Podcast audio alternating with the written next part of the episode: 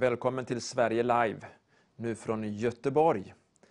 Och I kvällens program så har vi Miguel Flores och han kommer berätta mycket spännande saker. Han har varit med i programmet förut så det blir som en fortsättning. Och redan nu har vi en gäst som heter Linda Hermansson. Ja.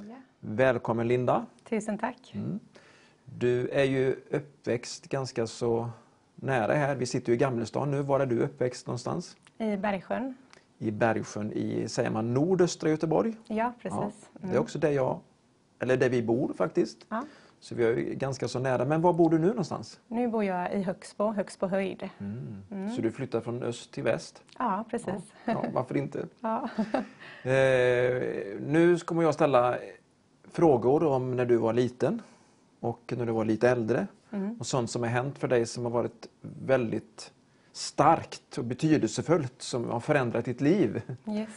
Och eh, om du bara säger först, vem är du? Vad jobbar du med? Eh, Ja, jag heter då Linda Hermansson och eh, jag är 43 år gammal. Eh, Och jag jobbar eh, på två olika ställen. Eh, På Erikshjälpen second hand-butik i Högsbo industriområde och även i Elimkyrkan i Billdal. I Billdal, Göteborgs äldsta pingstförsamling. Ja, Ja. Men du vet inte när den startades? Det är över, 100 år. över hundra Ja. år sedan. Ja, vad fint. Mm. Eh, när du var riktigt liten och växte upp i Bergsjön så på den tiden så hade ju inte Bergsjön heller så gott rykte. Nej, precis. Mm. Men det är ändå en fantastiskt vacker plats. Oerhört vacker Mm. plats. Ja. Och eh, har du liksom, kommer du ihåg någonting som du vill berätta om när du var liten? Att liksom, du gick till någon kyrka och, och så var det jättetråkigt eller så var det helt underbart. Har du Eh, några sådana minnen? Ja, jo, men jag har eh, minnen från eh, när jag följde med min bror eh, till Svenska kyrkan i Bergsjön. Då har jag för mig att det var att den låg, eller den låg vid eh, Rymdtorget. Precis. Mm. Och vi kommer till det. Ja, Men vi ska inte berätta allt. nej. Sen blir du när du är, är tonår, tonåring och du gör, har lite crazy idéer för dig. Yes. Men nu vill jag att du följer med och du som har Facebook och delar det här programmet och skickar in tacksägelse och bönämnen så du bara trycker in här och så säger du jag vill vara med. Här hör man ljudet på. Fullt ös. Och så kan du vara med och dela. Så det här gör jag nu. Så trycker jag till den här, den här gruppen, de ska få se det här och den här gruppen och de här människorna. Och så kan du vara med och, skriva ett inlägg där. att Be för det, eller hej på er, eller var du kommer ifrån. Och så har vi interaktion på det sättet. Det är så fantastiskt att du är med oss redan här och nu. Och det är någon från Torshamn, Torshavn i Norge. Och så är det någon från Stockholm redan. Ah, det är ju kul. härligt. Ja, och det kommer säkert vara från andra länder än Sverige och Norge. Så det är tusentals som Wow. tittar. Det är live, många efteråt. Men vem du än är, känn dig välkommen till programmet. Och innan jag börjar att ställa mycket, mycket spännande frågor så ska du få lyssna till en sång. Och det är Jeanette Alfredsson som sjunger en riktig klassiker, men i en modern version. Det var ju härligt att höra den här versionen av Pärleporten som gjordes om till en, till en lovsång. Att eh, det finns någon som har öppnat en väg till härligheten. Och det är Jesus Kristus. Och det gjorde han genom att han dog för oss. Tänk vilken kärlek, att vi kan sjunga de här gamla sångerna som de är nya. För Gud har lagt en ny sång i vår mun. En lovsång till vår Gud. Därför att han har mött oss. Nu tillbaka till dig Linda. Nu, vi var ju där vid, vid Bergsjön kyrka, du har ju växt upp i Bergsjön. Och så, hur hamnade du där? På Rymdtorget? Ja. Eh, jo, det var så att eh, mina föräldrar eh, var inte troende, men min bror blev troende. Eh, och då, eftersom att han eh, skulle till kyrkan så ville jag följa med honom till kyrkan. Eh, och då sa jag till min mamma att jag vill följa med honom till kyrkan och då sa hon, ja på ett villkor och det är att du inte lyssnar på vad de säger där. Alltså du ska inte tro på det men då kan du följa med liksom. Och det lovade du? Jag tror det, jag kommer inte ihåg faktiskt. Men, Men, hur men, det gammal var du då? Var du bara fem år då? Eller hur kan man... Eh, ja, jag var inte gammal alltså. Jag kanske var fem. Ja, jag kommer inte ihåg exakt hur gammal jag var. Mm. Eh, och då följde jag ju med eh, honom till kyrkan. Men jag har faktiskt inte så mycket eller så starka minnen från det. Eh, från barnkyrkan där och så, det har jag inte.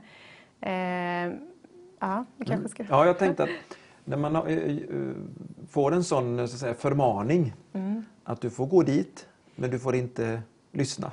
Då blir man ju, då har jag, jag hade blivit jättenyfiken Ja. och lyssnat hur mycket som helst. Tänkte det här är ju intressanta grejer. Ja, För jag har ju själv varit med om sådana sammanhang när vi har haft barn som har kommit, Mm. också i Bergsjön, Ja. fast från muslimska hem. Ja. Och så kom de till våra eh, barnmöten ja. och då sa deras föräldrar likadant till dem. Okej. Ni får gå dit, men ni får inte lyssna. Ni får inte tro på det och ni får absolut inte be. Mm. Men det var någonting som föräldrarna glömde att säga till dem. Det var att ni får inte sjunga sångerna. Aha. Så barnen lärde sig sångerna Ja. och så sjöng de allt de orkade om Jesus. Ja. Så det var väldigt speciellt. Men du kanske inte lärde dig sångerna, men du har förstått efteråt att du fick ändå en tro där. Mm. Jag, jag vågar inte säga exakt när jag fick en personlig tro som barn, men att jag fick det, det vet jag idag. Eh, men det som hände var att eh, efter ett tag, jag vet inte hur långt tidsperspektiv det är, men så blev ju mina föräldrar också troende. Eh, och då började vi gå till en församling. Eh, så jag var väldigt mycket i, eh, i kyrkan när jag var barn. Eh, och eh, jag kommer ihåg att jag uppfattade det som väldigt härligt, en härlig tid. Och, eh, och jag vet att jag hade en personlig relation med Gud då. Mm. Det är spännande. Och nu vet du också om, liksom, du vet precis hur det har gått, men det är ju många som tittar som inte har en aning om hur gick det sen. Ja. För det är ju så många som har varit i den här studien, blivit intervjuade, som har en barnatro. Man tar emot, man till och med tar emot Jesus. Och sen så bara går det helt fel, man bara lämnar det. Mm. Men så gjorde väl inte du eller? Jo, precis så gjorde jag också. Du också? Jajamän. Tyvärr var det så att jag, när jag var 13 så började jag intressera mig för det som de flesta tjejer i 13-årsåldern intresserar sig för, vilket är då... Hästar. Ja, det kanske det är för många, men inte för mig. Inte för Finns det, mig. något annat? Finns det något annat än hästar? Ja, det var killar. Ja, jag kan tänka att de kommer, de kommer nummer två eller? ja, men det, är, det, är min, det är mina minnen. Ja. Fortsätt. Ja, så eh, det blev väldigt eh, stort för mig att eh, jag ville träffa en kille, jag ville ha en pojkvän. Eh, och eh, jag har hört från unga idag att nu kallar man inte det för pojkvän, men det gjorde man på den tiden när jag var 13 i alla fall. Och det blev ett fokus. Alltså jag, långsamt men säkert så eh, slutade jag att söka Gud. Jag vet att jag verkligen sökte Gud tidigare i livet men när jag fick upp detta intresset för killar så eh, rann det ut i sanden, mitt gudsintresse. Så illa var det faktiskt. Men det skedde inte över en natt utan det var ju en process. Liksom. Eh, och när jag var 14 så träffade jag en, en kille som eh, jag hade önskat så länge eh, och blev tillsammans med honom.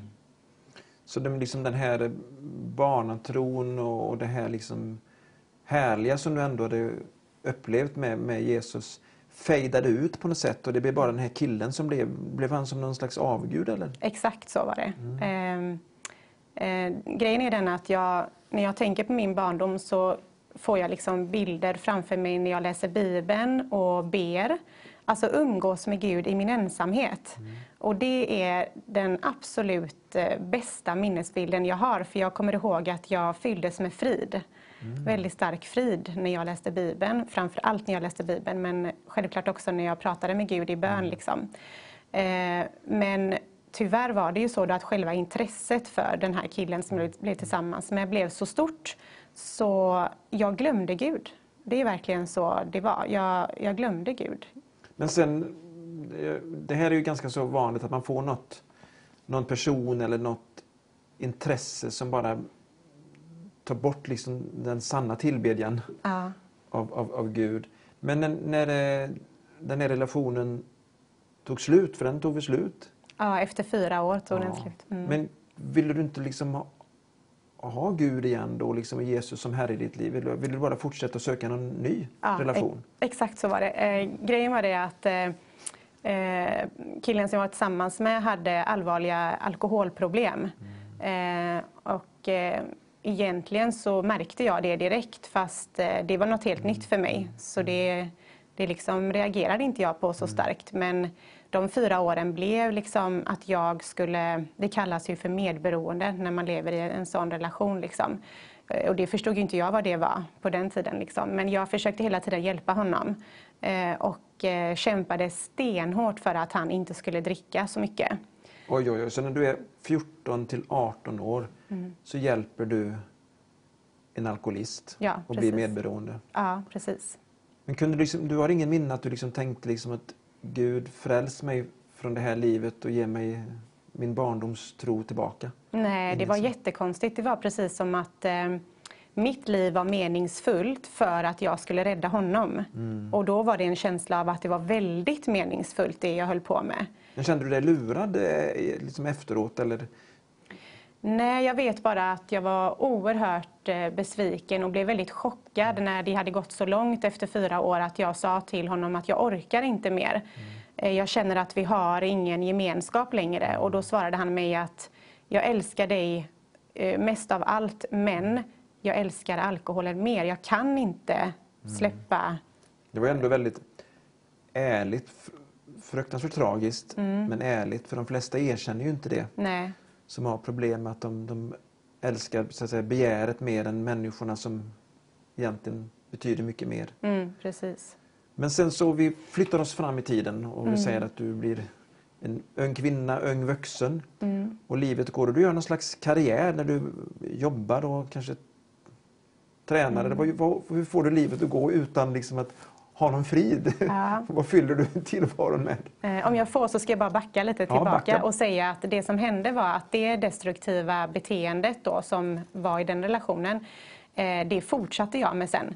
Så sen eh, av en väldigt konstig anledning som jag tänker nästan är övernaturlig så varenda person jag träffade sen som jag blev intresserad av hade något typ av missbruk eller var kriminell eller någonting.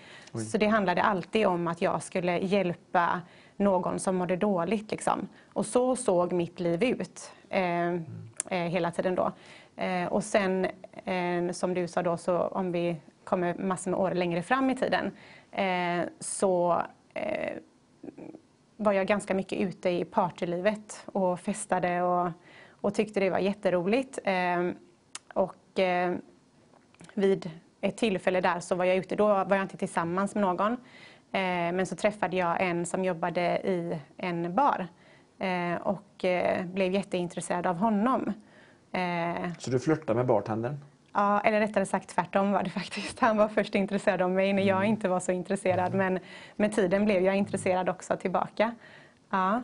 Eh, och då var det, eh, mitt minne från den tiden är ju att eh, det var ett oerhört destruktivt liv. För då hade jag jag hade redan levt i flera år i partylivet och tyckt att det bara var roligt.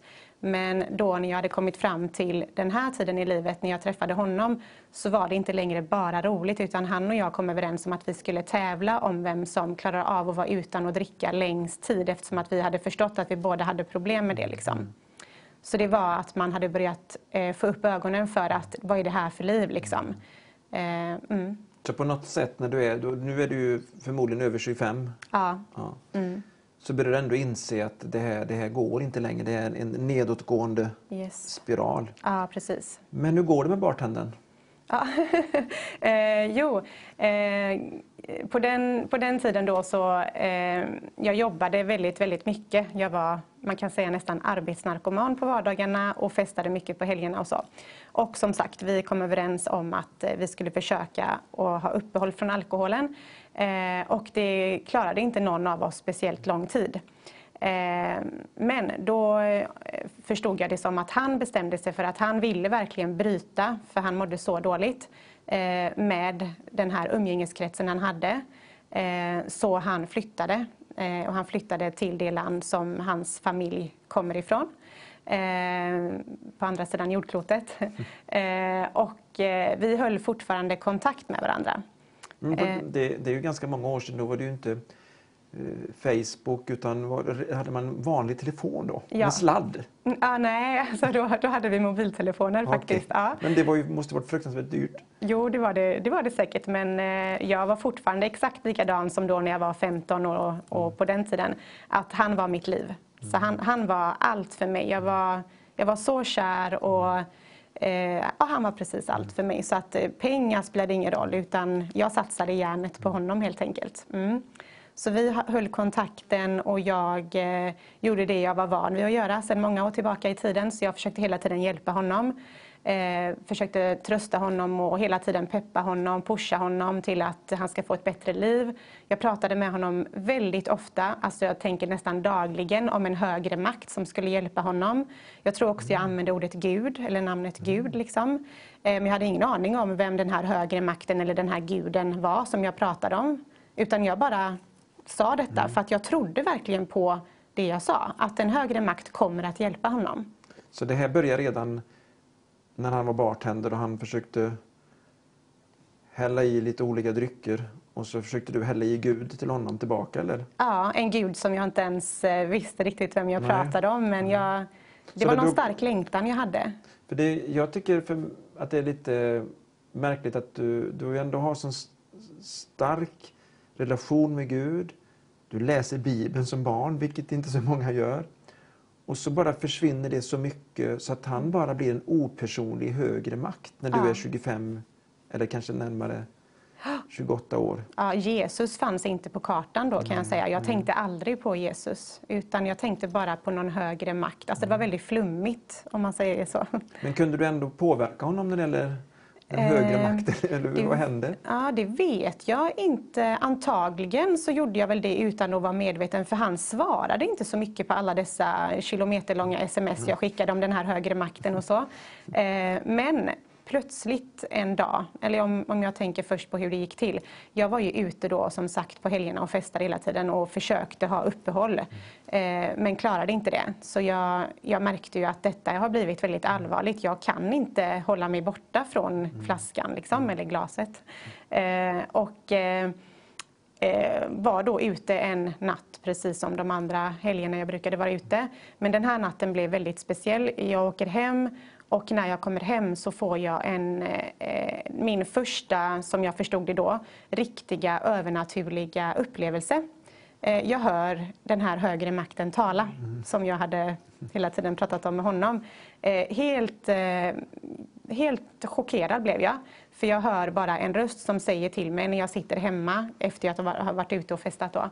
Eh, nu har dagen kommit Linda, så, eh, där du måste välja ditt liv. Antingen så fortsätter du att dricka alkohol och då kommer du dö i en av dina kommande fyllor. Eller så slutar du att dricka och då ska du få leva. Det var tydligt, det var ett klart budskap. Ja, det var det verkligen. Men var det, så du, du upplevde det här starkt inom dig? Eller var det en hörbar röst? Eller var det en stark inre... Mm, nej, det var inte en hörbar... Alltså jag har hört Gud tala en gång så att jag hörde det med, som jag upplevde det med mina öron. Så var det inte. Utan det var från insidan. Ett inre tilltal Ja, precis. Vad hände sen då? Eh, Slutade du? Började du Ja, nej, jag, blev, jag blev livrädd faktiskt. Ja, Ja, ja, för jag visste att den här rösten är sann. Att de här orden eh, är sanna. Eh, och jag visste också, eftersom att jag hade försökt så många gånger att sluta, att jag inte kunde sluta. Att jag inte kunde lita på mig själv. Eh, så jag fick en sån enorm dödsångest så det går inte att förklara i ord. Alltså, jag tror en människa måste ha upplevt stark dödsångest för att förstå hur fruktansvärt det är. Liksom. Eh, Så jag som inte, jag, jag, var- inte en sån som brukade ringa och så till folk, men jag ringde mitt i natten där eh, till de vännerna jag brukade umgås med och försökte få fram ord på det här hemska jag hade upplevt. Och en av mina kompisar sa att eh, vi måste åka till Sahlgrenska med dig nu. Liksom. Och då skrek jag bara rakt ut att Sahlgrenska, vad kan de göra? De kan inte hjälpa mig på något sätt för jag är min egen fiende. Det är jag som är opolitlig. Jag kan inte lita på mig själv. Då får de ju spärra in mig resten av livet då för att jag inte ska kom- komma åt alkoholen när jag blir sugen på den. Liksom. Eh, och eh, det var fruktansvärd natt, alltså jättehemskt. Men jag bara visste att jag måste sluta dricka. Så jag ringde ändå till eh, AA. Eh, och- Anonyma alkoholister. Ja, precis. eh, och bad om att få hjälp. Och då sa de att det första du gör imorgon bitti, eh, så tidigt du bara orkar ta dig upp, är att du tar dig till oss. Liksom. Eh, och eh, jag gjorde det. Jag åkte till, till AA, till Anonyma Alkoholister. Ja. Vad hände där? Ja, eh, där så vad heter det, eh, kom jag då i kontakt eh, med Gud. Den här guden som jag ändå hade på något sätt talat mycket om med, med min pojkvän.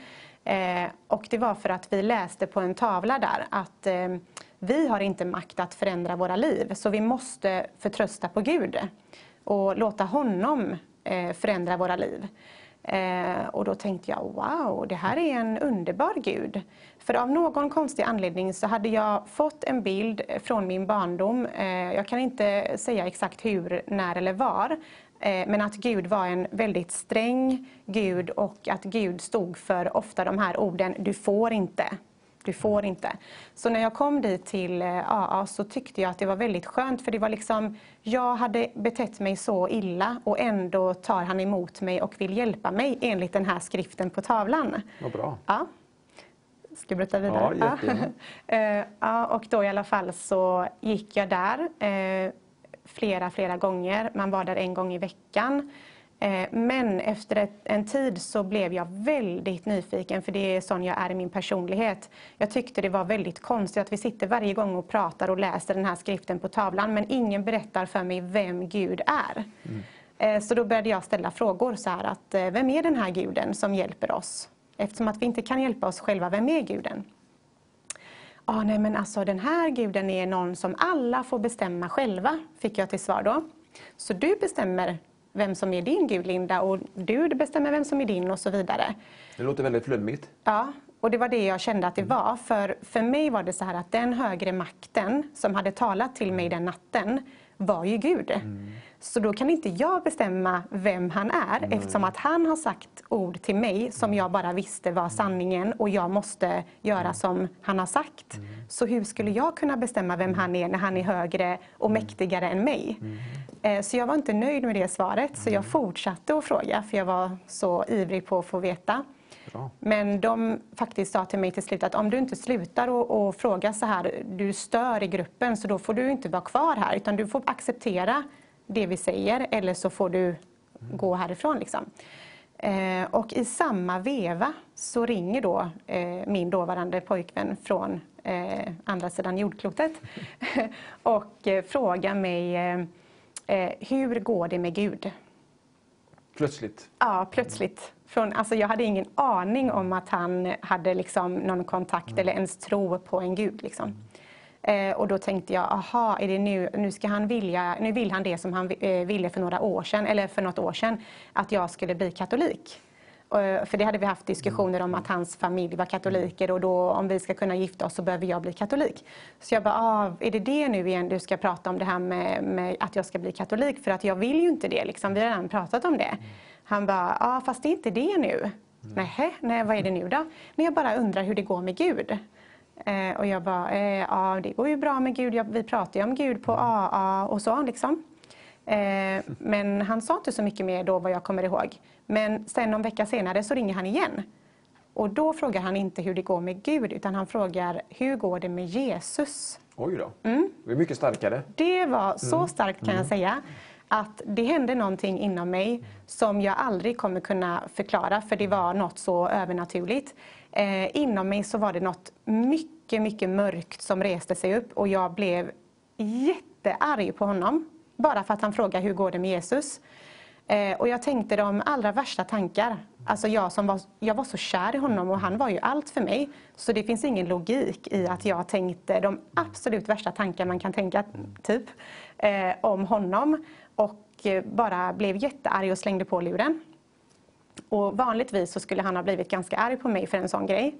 Eh, Men när jag då plötsligt tänker, vad hände? Vad var det som hände? Och ringer tillbaka så förväntar jag mig att han ska vara väldigt eh, arg på mig för att jag gjorde så. Det förstår jag. Så jag, ja, så jag bara, ah, förlåt, förlåt, jag vet inte vad som hände. Och så var han helt lugn.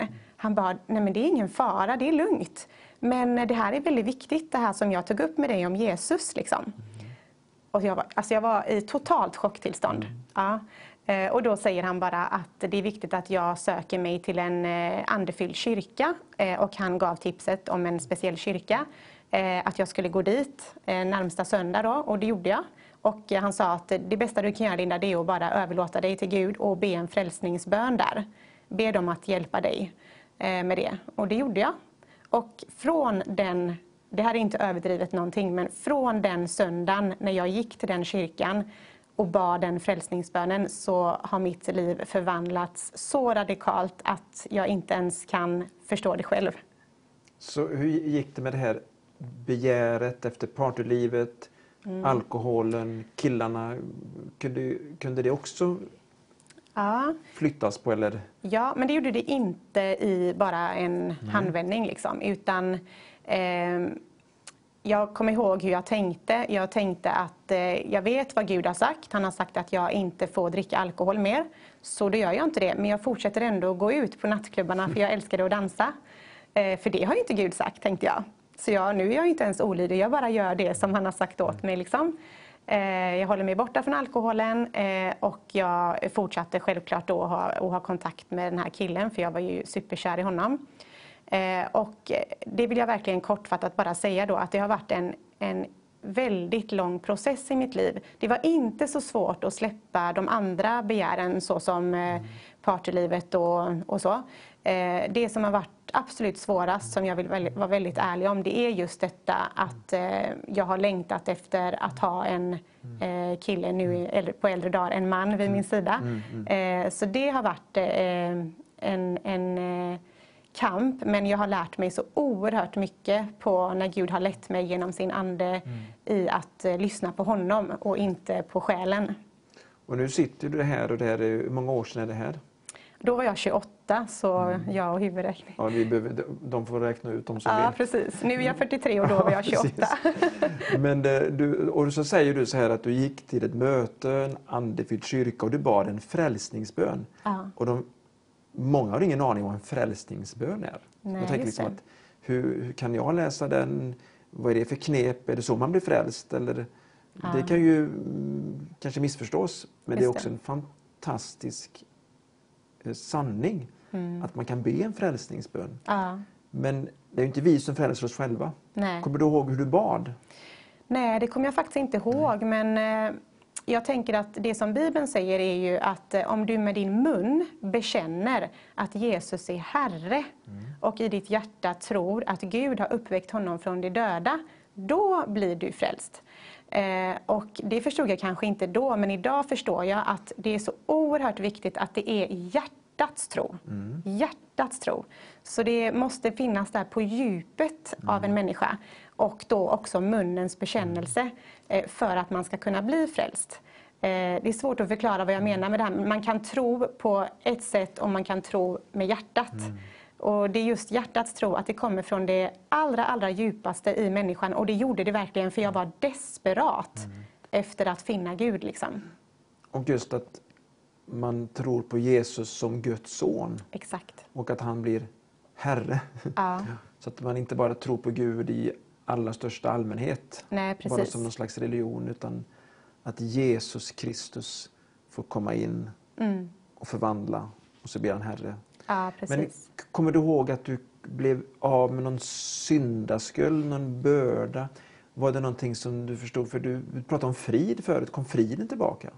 Eh, ja, alltså det var ju det den gjorde ja. för första gången. För nu har jag ju eh, berättat allting väldigt snabbt. Och det som gjorde att jag egentligen eh, fann Gud, alltså eh, att han lät mig finna honom som jag mm. gjorde, det var att jag eh, i det här livet jag levde med festande och, och mm. arbetsnarkomani och allt vad det var, så mådde jag så fruktansvärt dåligt över att jag hela tiden kände ofrid på mm. insidan, alltså en tomhet.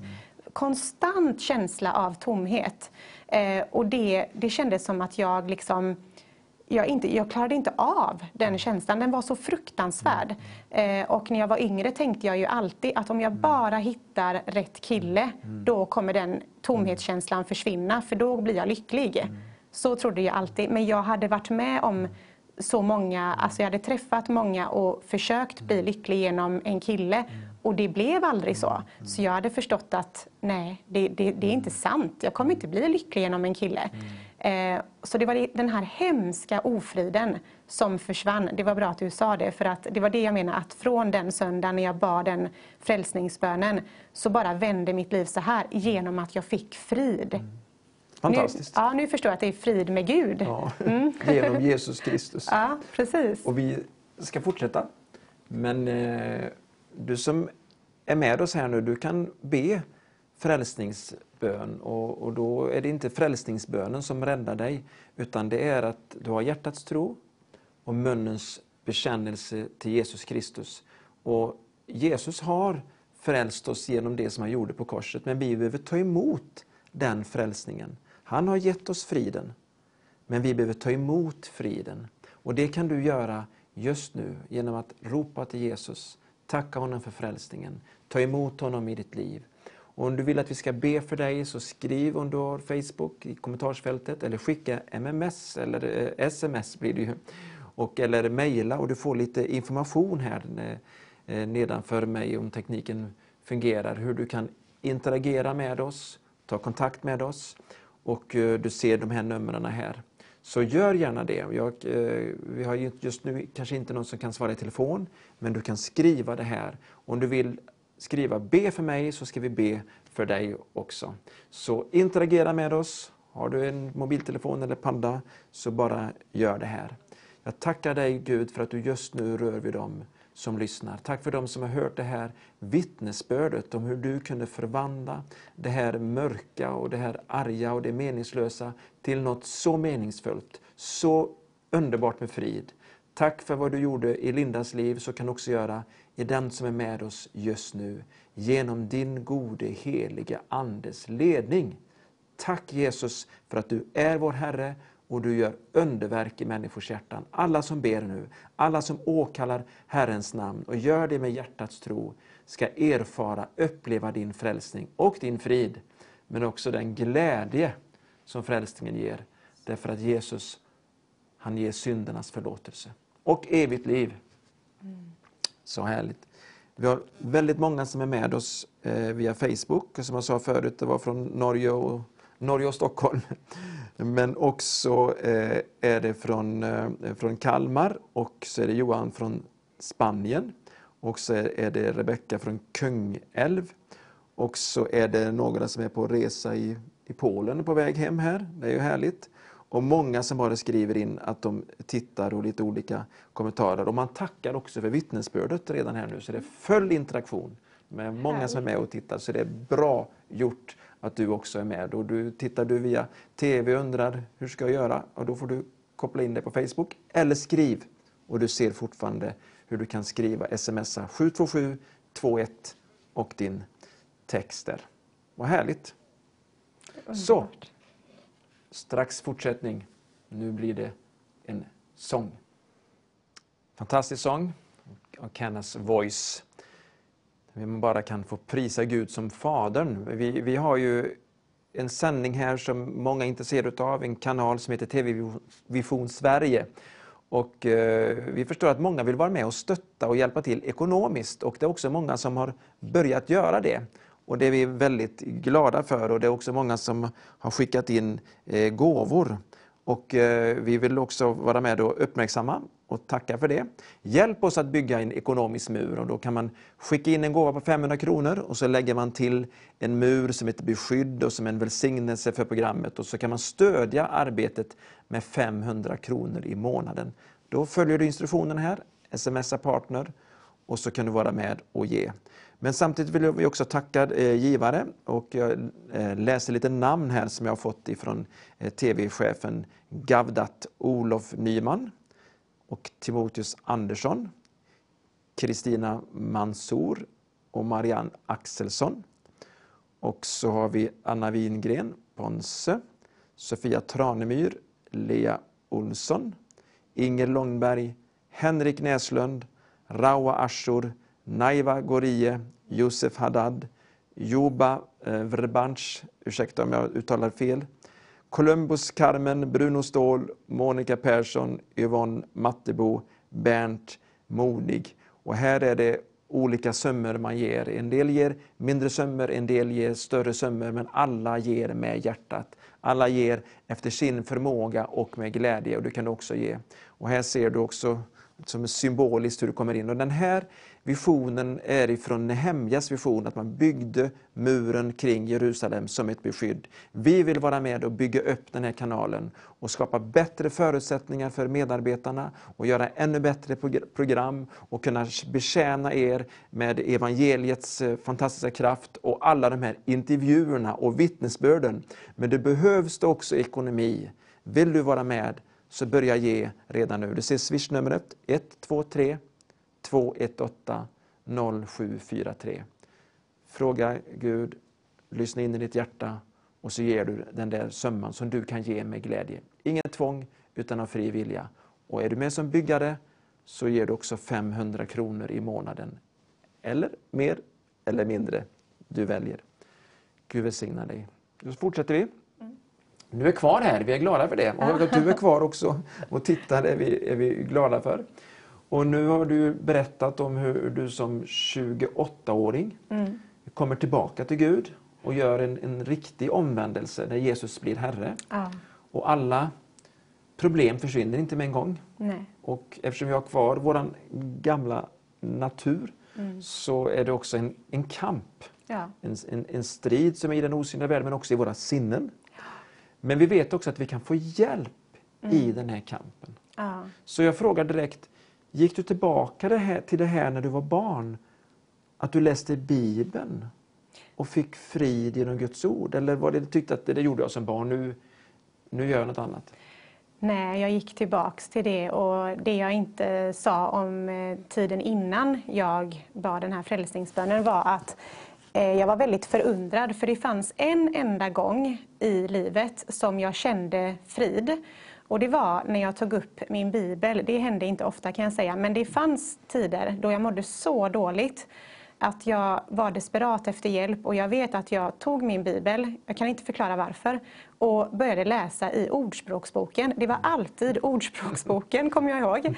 Och jag kommer ihåg att jag satt där i min säng och läste Ordspråksboken och tänkte vad konstigt detta är, för nu känner jag frid. Exakt den stunden jag satt och läste Bibeln så hade jag frid. Men det var också en väldigt konstig grej att jag då inte förstod. Det var som att jag var helt förblindad för då kunde jag ju fortsatt och läst Bibeln mycket men det gjorde jag inte innan då. Men efter jag hade bett frälsningsbönen så kan jag säga, jag var jag gick all in på Gud kan man säga. Så jag var så hungrig. Jag läste Bibeln jättemycket, läste kristna böcker, tittade på massor av predikningar eh, och verkligen fyllde mig med Guds ord på Men, olika sätt och vis. Men eh, blir det inte för mycket då? Det blir lite överdrivet? Nej, alltså, eh, nej det blev det inte. Sen så är väl just jag en sån i, i min person att jag eh, jobbar jag så gör jag det till 100 procent. Mm. Festar jag så gör jag det till 100 procent. Och nu var det ju Gud. Då gick jag ju också in i det till 100 mm. procent med allt jag ägde och hade. Eh, så visst, människor runt omkring trodde säkert ah, ja, men det är säkert bara en sån fas i hennes liv.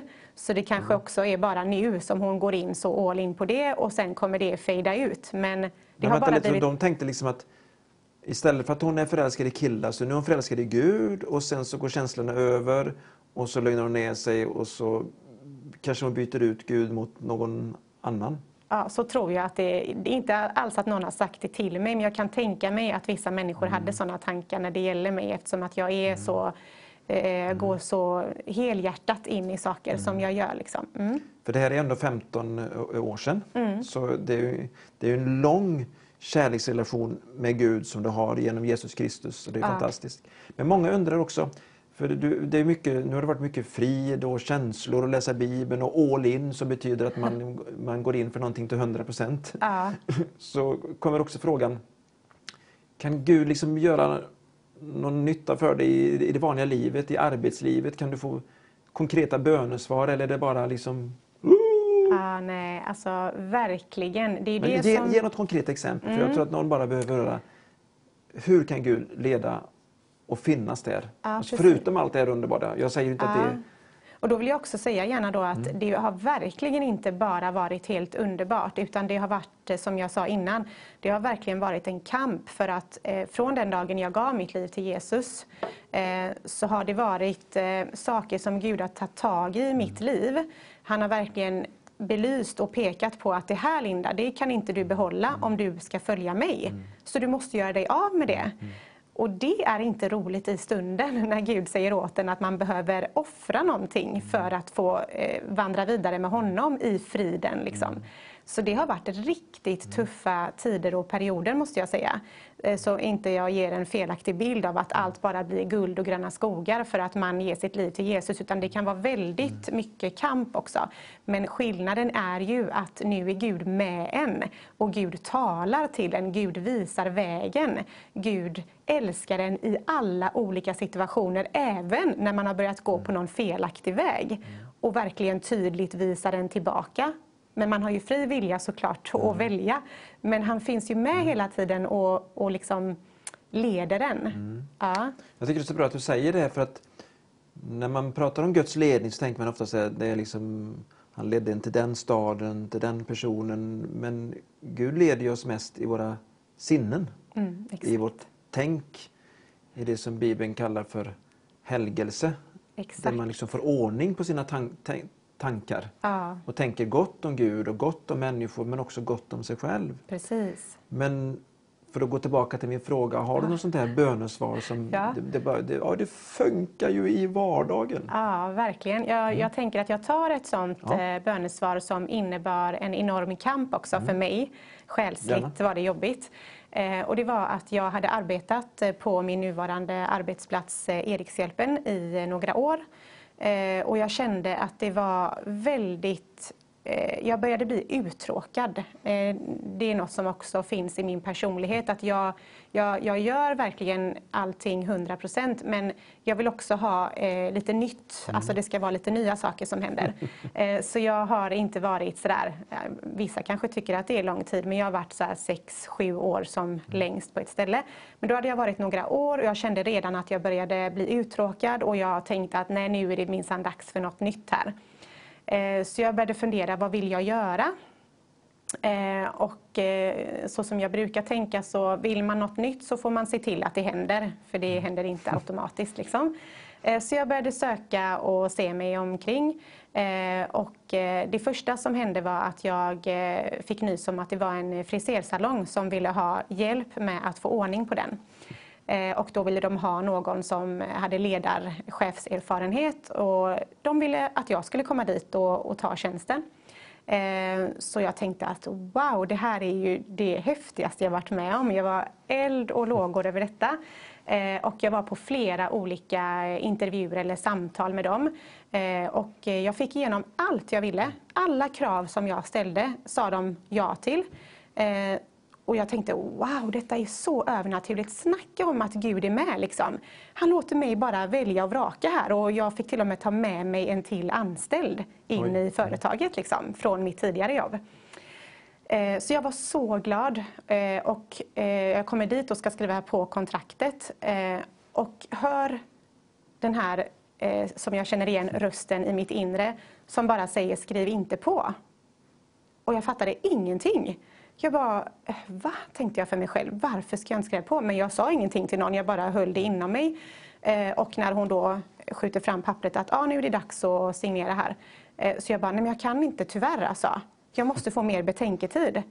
Och hon bara, men vad är det som är fel? Alltså bara säg vad du vill så får vi se om vi kan lösa det också. Jag bara, nej men det är ingenting som är fel egentligen. Hon bara, men det här låter konstigt. Varför skriver du inte på då? Ja, jag kan inte förklara, men jag måste få mer tid. Och jag förstod att de tyckte det var väldigt konstigt. Eh, och sen så kom jag tillbaks och jag var lika glad vid nästa tillfälle när jag skulle skriva på. För jag tänkte att nu kommer det bara flyta på. Nu kommer det inte komma någon sån eh, varningssignal liksom, i mitt inre. Eh, och det händer exakt samma sak igen. När jag ska skriva på så hör jag bara i mitt inre, skriv inte på. Och jag tänkte, nu tror de att jag är galen.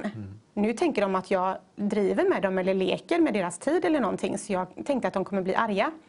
Eh, och på det mest övernaturliga sätt som jag inte alls kan förstå ens hur det hände. Så plötsligt där, från att jag inte skriver på och hon vägrar låta mig gå utan att jag förklarar varför så får jag berätta om Jesus. För jag börjar med att säga att det här låter jättekonstigt säkert för alla er här, för alla samlades också. Så det var jättemånga som lyssnade när jag skulle berätta. Och jag sa det att ja, ja, det är bara så att jag vill detta av hela mitt hjärta. Alltså jag, jag vill ingenting annat än att jobba för ert företag. Men nu är det andra gången jag kommer hit och en inre röst säger åt mig att inte skriva på. Och det är bara därför jag inte skriver på. Så det har ingenting med min vilja att göra, för jag vill verkligen detta. Men jag tror på Gud och jag hör att det är Gud som säger åt mig att inte skriva på. Och då blev det världens uppståndelse. Eh, och de säger till mig att tror du på Gud? Men det här måste du berätta om. Så jag fick sitta där och berätta om vad Jesus har gjort med mitt liv och allt underbart som har hänt med mig eh, i jag vet inte hur lång tid, alltså minst en timme var det i alla fall. Eh, och till slut var det jag som sa att jag är hemskt ledsen men jag måste verkligen gå nu för nu har en person väntat på mig där utanför jättelänge. Eh, och jag tycker att det är så fantastiskt för att eh, jag visste inte det men det var en där som var väldigt, väldigt sjuk. Mm. Och alltså Gud ledde mig till de här människorna genom att jag låta mig bli så intresserad av den tjänsten. God works in mysterious ways, mm. brukar jag säga. Mm. Eh, så det var, eh, då blev det ingenting mm. av det fastän att jag var eld och lågor för den tjänsten. Liksom.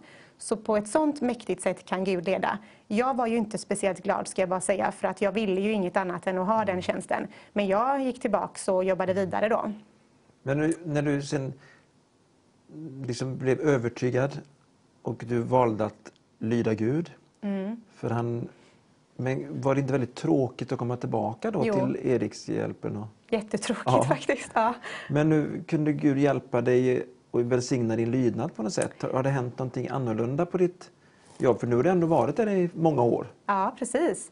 Eh, tyvärr inte direkt, för jag var inte uppmärksam på att Gud Eh, på det sättet berättade för mig att jag faktiskt ska vara kvar. Mm. Utan jag tog det mer som att okej, okay, det var inte det stället. Mm. Utan Guds tanke för mig där var att mm. berätta om Jesus för dem. Mm. Så nu fortsätter jag här och söka efter andra tjänster. Och det gjorde jag.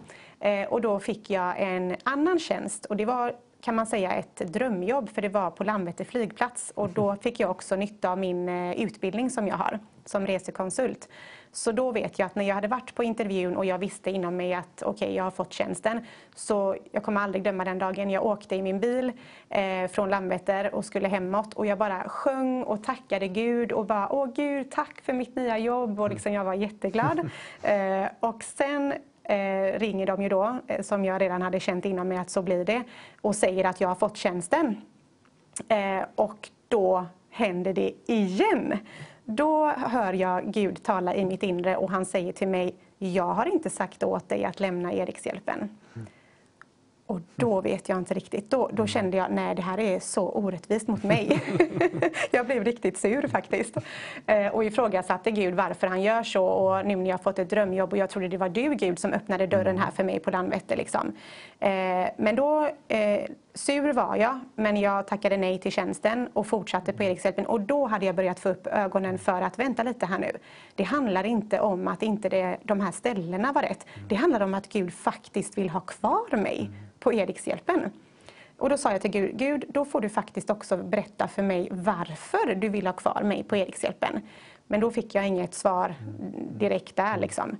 Sen lite längre fram, alltså vi kanske pratar till och med ett år senare, så svarade han mig på den bönen. Eh, och då var det genom en annan människa. Eh, och då kom svaret att Gud säger till dig att han har placerat dig på Erikshjälpen för människornas skull där inne. Och i samma stund som jag fick höra den meningen så fick jag en sån glädje och passion mm. för min tjänst där inne. Mm. Så allting är förändrat. Jag skulle inte vilja sluta för en sekund nu liksom. För du upplever att nu är du som fisken i vattnet, du är där Gud har tänkt med det. Du liksom fick de här möjligheterna och du kunde vara lydig och säga nej. Mm. Men också vara lydig, att vara trofast för att det som är så intressant är att Gud säger ju inte alltid till oss att vi ska flytta på oss utan väldigt ofta att vi ska vara kvar. Ja, Stanna kvar, mm. var trofast men se vad jag gör där du är nu. Exakt. För att eftersom du har den här rastlösheten som du beskrev och att någonting roligt måste hända Ja.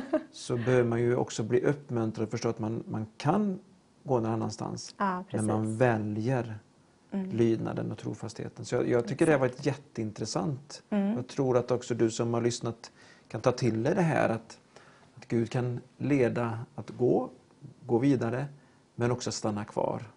Och Gud vill ju att vi ska vara trofasta i det som han har tänkt. Våga ta steg i tro när vi ska röra på oss, dra ut, gå bort till en plats men också att vara kvar. Så hör vad han säger till dig. Läs i bibelordet och lyssna också in kloka råd från mogna kristna. För den heliga Ande inom oss säger, här är vägen, vandra på den.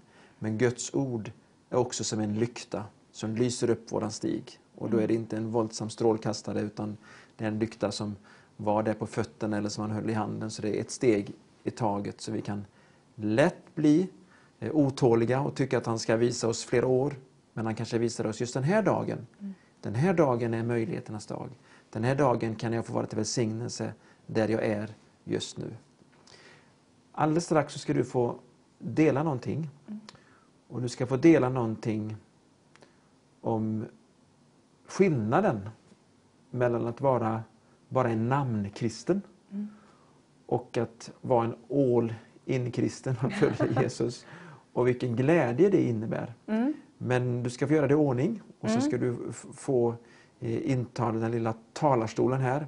Och så under tiden så får du lyssna till en sång. Men glöm inte bort, ge en liten hälsning till oss, lite feedback och eh, bönämnen som vi tar med i slutet av programmet. Ja, då ska jag ju dela det här som Christian sa eh, angående skillnaden på att vara en så kallad namnkristen bara eller att vara en kristen som verkligen eh, ger sitt allt, som eh, förnekar sig själv, tar sitt kors på sig och följer Jesus fullt ut som det står i Bibeln. Att Jesus sa själv att det är så man måste göra för att följa honom. Eh, och det kan ju låta lite skrämmande att eh, förneka sig själv, ta sitt kors på sig och följa Jesus. Förneka sig själv eh, känns ju inte jätteroligt att behöva göra.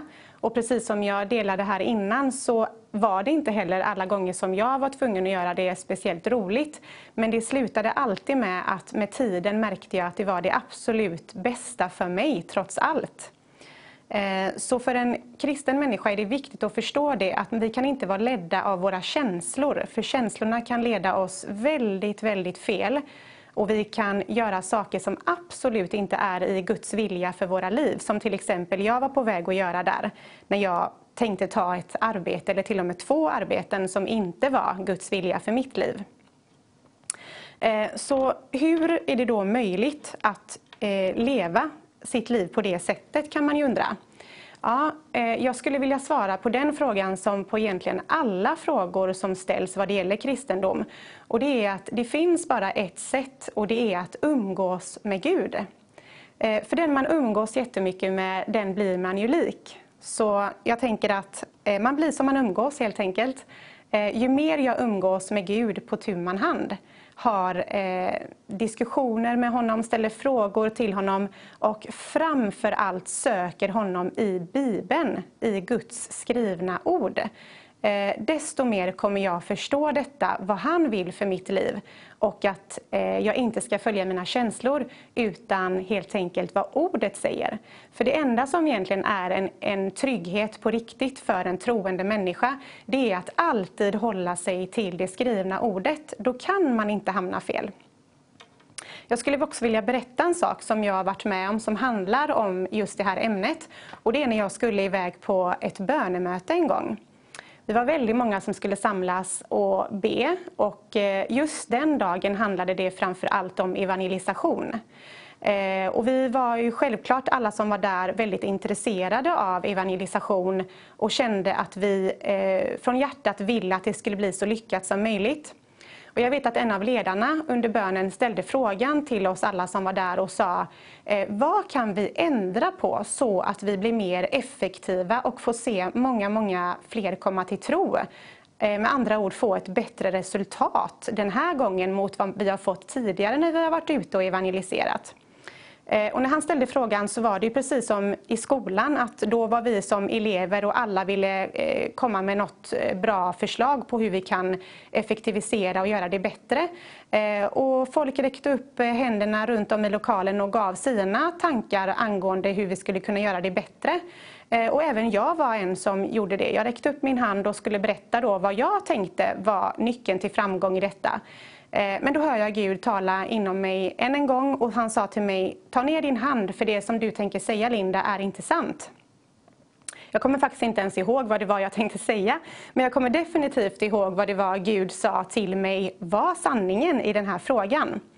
Eh, den här bönegruppen var eh, engelsk, engelsktalande, så vi alla pratade på engelska där. Jag fick även ordet från Gud på engelska.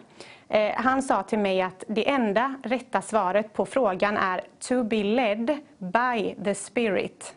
To be led by the spirit. Eh, och jag kommer ihåg att jag blev väldigt eh, tagen när Gud talade till mig. Eh, och jag kände att nu kan jag verkligen räcka upp handen för nu är det inte min egen åsikt eller mina egna tankar jag tänker säga ens utan nu är det Guds ord, han har talat. Eh, så jag räckte upp handen och sa det att eh, eh, det som, är, det som kommer göra förändring, det är om vi är ledda av Guds ande. Det är den saken som är det viktigaste av allt för en kristen människa. Att vara ledd av Guds ande. Inte att vara ledd av känslor eller av saker som händer runt omkring. Utan att alltid vara ledd av Guds ande. Det är nyckeln till framgång inom Guds rike. Eh, när jag sökte Gud angående den här dagen så fick jag också ett ord till mig och det är från Uppenbarelseboken. Eh, och det ordet, eh, där står det så här. Men det har jag emot dig, att du har övergett din första kärlek. Med de här orden uppfattar jag att Gud vill säga oss att det viktigaste som finns är som sagt att umgås med honom. Att eh, njuta av att umgås med Gud. Och att alltid förvänta sig att han kommer tala när man söker honom. För även om han inte talar under just den stunden som man har eh, gett åt honom så kommer han tala förr eller senare. För det står också i Bibeln att när vi söker Gud så kommer vi alltid att bli belönade för det. Eh, och när vi söker Gud av hela vårt hjärta så kommer vi också finna honom. Så jag tänker att när man ser två personer som verkligen har blivit kära i varandra. Eh, de har nyligen träffats och de är kära. Eh, de flesta av oss vet hur det känns för vi har varit där själva. Så vet vi lite grann vad det här ordet betyder, den första kärleken. Två människor som är nykära vill inte vara eh, separat. De vill vara tillsammans hela tiden. De vill umgås helst 24-7. Eh, så jag tänker att med den bilden framför oss så kan vi lättare förstå vad Gud menar med den första kärleken. Alltså att vilja umgås med honom hela tiden. Eh, det behöver inte vara att jag nödvändigtvis sitter hemma ensam och pratar med Gud, utan jag kan faktiskt umgås med Gud under hela min dag. Eh, jag kan prata med Gud på min arbetsplats, kanske inte högt så folk undrar vad jag går och mumlar om, pratar med mig själv, utan gå undan någonstans och prata med Gud och i mitt hjärta framförallt prata med Gud och be honom om hjälp i olika situationer. Gud är fantastisk på det sättet att han, det enda han är ute efter, det är att vi vill ha honom och hans vägledning. Det är det enda som kan också stå i vägen, det är om vi inte vill, om vi inte är intresserade av vad han har att säga.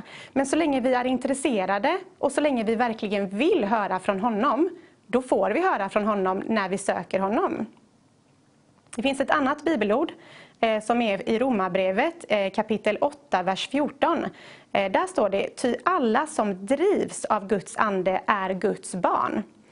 Man kan också säga, ty alla som leds av Guds ande är Guds barn. Så det här tror jag är det viktigaste som i alla fall jag har på mitt hjärta idag att få fram. Det är att som kristen person ska vi verkligen se till att vi är ledda av Guds ande och ingenting annat. Och då är den här stora frågan igen då, hur gör vi det på bästa sätt? Jo, precis som jag sa innan, så är det framförallt genom att vi läser Bibeln. Guds ord är sanning. Eh, och Gud kommer aldrig någonsin eh, tala emot sitt skrivna ord. Så tryggheten hittar vi alltid i det att om vi får till oss någonting övernaturligt Eh, om vi hör någon profetera över oss om någonting så är det alltid så att vi måste gå till ordet, till Guds heliga skrivna ord för att pröva om det som har kommit till oss är sanning eller inte. Som sagt, Gud talar inte emot sitt skrivna ord. Så om vi kan få det till att få fram genom att läsa ordet att det som har kommit till oss överensstämmer med Guds ord, då kan vi i lugn och ro ta emot det, pröva det som ordet säger och be över det.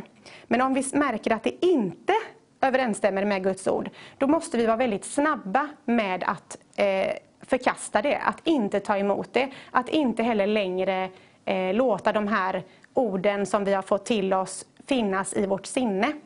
Eh, och det är det som jag brinner för själv i mitt eget liv och att hjälpa andra att förstå. Att det som Bibeln talar om, att vi måste förvandlas genom ett förnyat sinne, sinnets förnyelse helt enkelt. Det är A och O. Det är så oerhört viktigt att vi tar varje tanke som kommer till oss och tänker, är detta i enlighet med Guds ord eller inte? Om det inte är i enlighet med Guds ord, då måste vi vara aktiva på att säga nej tack till tanken och inte längre låta den finnas kvar i vårt sinne. För när vi har fått den helige Ande i våra liv så har vi full möjlighet till att eh, förkasta, att inte ta emot de tankarna som kommer till oss som inte är från Gud. Men märk väl att jag sa att när vi, när vi har den heliga Ande har vi möjlighet att göra det. För det vill jag verkligen betona. En människa som inte har blivit född på nytt, som inte har fått den helige Ande boendes i sin människans ande, kommer inte ha den här möjligheten. Människan kan göra väldigt mycket Eh, med sin egen vilja. Vi har väldigt stark vilja, många av oss, och vi kan komma långt med egen vilja. Men att verkligen ta auktoritet över tankar och att verkligen få ett förnyat sinnelag i enlighet med Guds ord, det är totalt omöjligt om vi inte har den helige Ande boendes inom oss. Så en personlig relation med Gud är A och O. Eh, ingen kan leva på någon annans tro. Vi måste alltid ha en personlig relation med Gud. En personlig tro. Och som jag sa innan, ett hjärtats tro. Så jag tänker att eh, de här sakerna hoppas jag att ni kan eh, ta med Gud i bön. Eh, fråga honom om att visa ännu mer vad detta betyder, att vara ledd av hans ande. Och att söka efter de orden i Guds ord. Eh, ju mer vi söker i hans ord, desto mer finner vi. Och det här, eh, den här meningen som Gud sa till mig den gången har jag aldrig glömt och kommer aldrig glömma. Att nyckeln till framgång inom Guds rike är alltid att vara ledd av hans ande. Nu tar vi en sång. Tack. Roland Utbult sjöng Jag så ljuset bryta fram. Nu har jag Miguel Flores med mig här i studion. Ja. Välkommen. Tack så mycket. Hej. Det, man hör ju på ditt namn att du eh, är nog inte född i Sverige. Nej. Och du, har, eh, du pratar ju svenska, men du har en brytning. Ja, det har jag. Var kommer du ifrån? Chile. Ifrån, när du säger Chile så, så låter det precis som eh, chili. In, inte chili con carne, Nej. Chile. Är det chili, så chili con carne betyder chili med kött? Chili med kött. Ja, och du är, du är chili utan kött? Eller chili från Mexiko med. Ja. Men eh, den här eh, eh, pepparen, chile, ja. chile är, det, är det efter namnet? Nej, nej. chili kommer från namnet på en, en fågel som eh, indianerna använder där i södra Chile. Och den, när den peppar så det låter som chili, chili, chili. och därifrån kommer namnet på landet. Mm. Väldigt och, märkligt. Är du uppväxt på landet eller i en stor stad i Chile? Nej, eh, utanför en, ja, en stad som är ungefär 100 000 invånare. Vid utkanten där. Och sen inte långt från Valparaiso. Och Viña del Mar, det är vår turiststad. Och sen en timme från Santiago som är en, en metrostad då, som är 8 miljoner ungefär idag. Och nu bor du ju i en hälften så stor stad som heter Varberg. ja, precis. Men finaste stad i hela Sverige. Efter Göteborg, ja. Nej. det är det västkusten spelar, Varberg.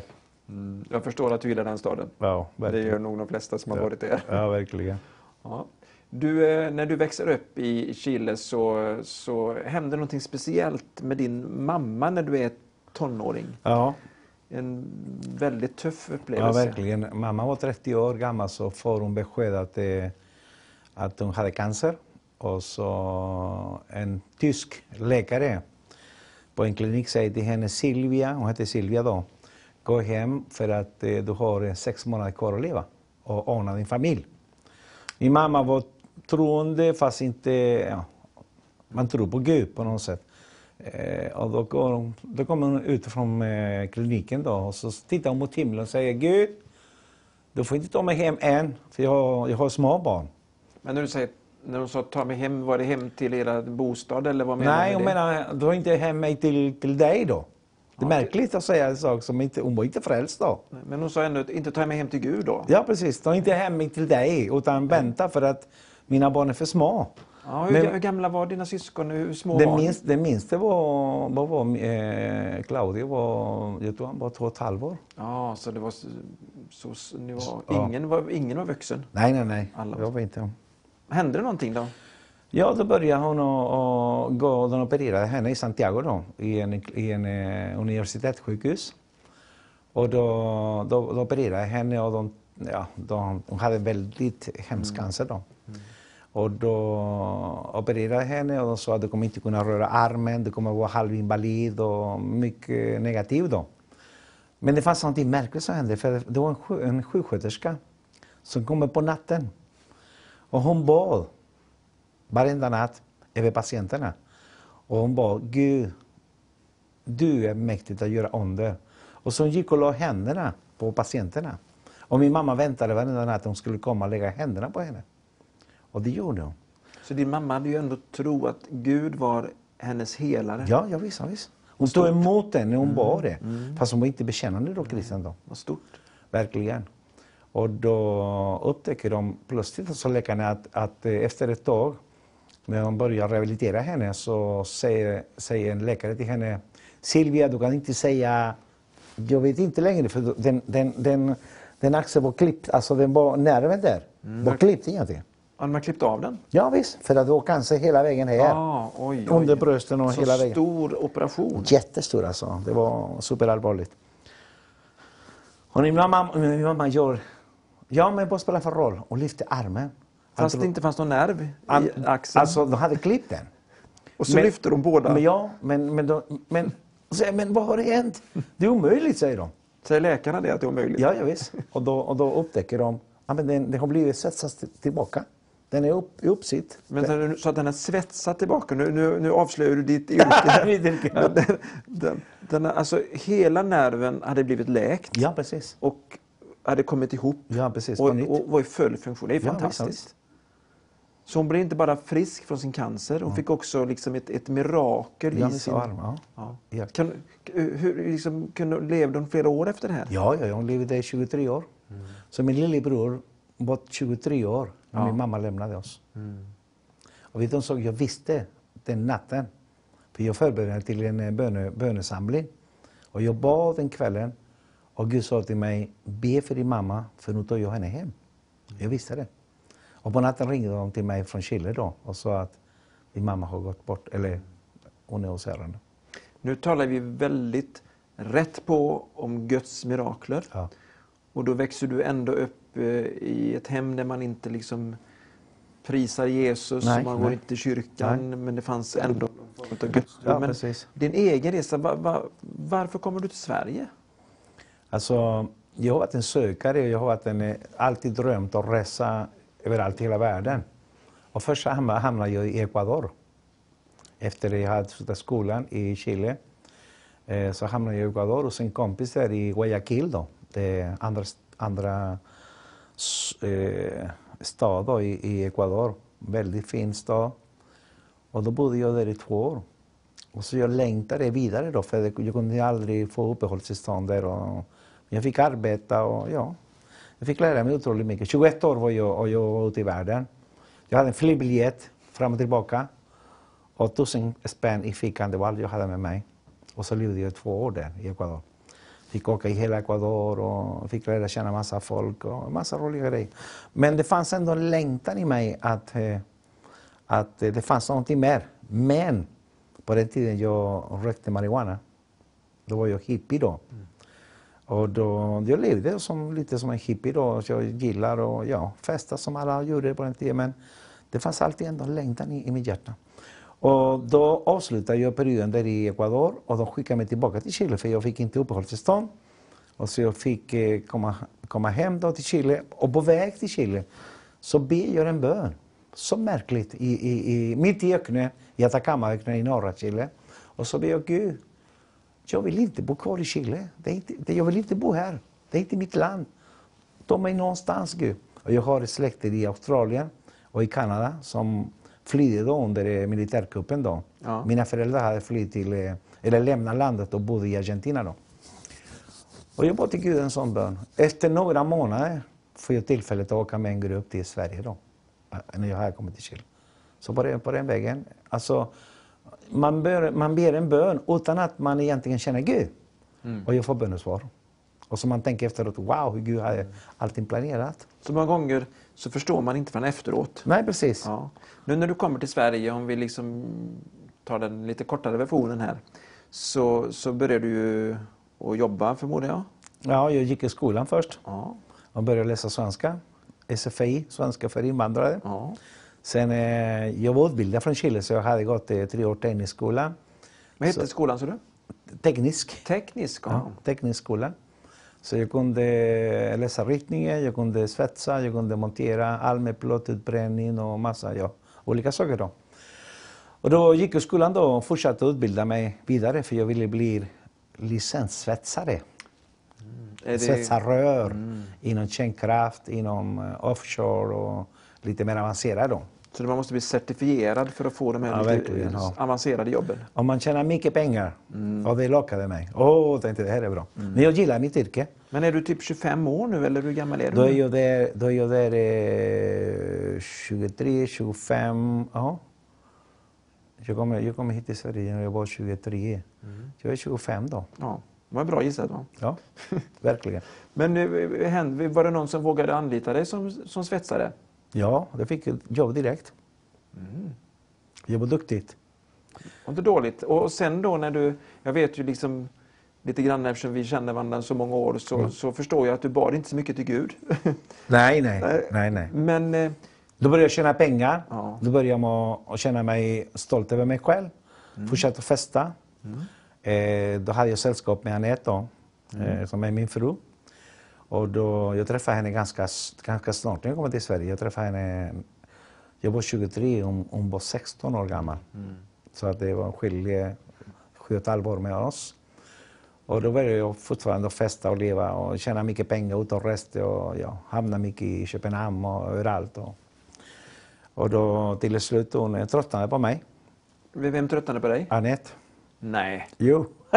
Det tycker inte jag är konstigt Så- så, som, du, så som du levde. Nej, det är inte konstigt. Men hon, hon klarade av de här eh, åren. Men, Alltså vi men, levde sju år tillsammans. ja. Eh, och så fick vi Kristoffer, vår son då. Och då, efter det hon tröttnade, hon sa aldrig mer med dig. Alltså det var, då var det stängt. Klaus.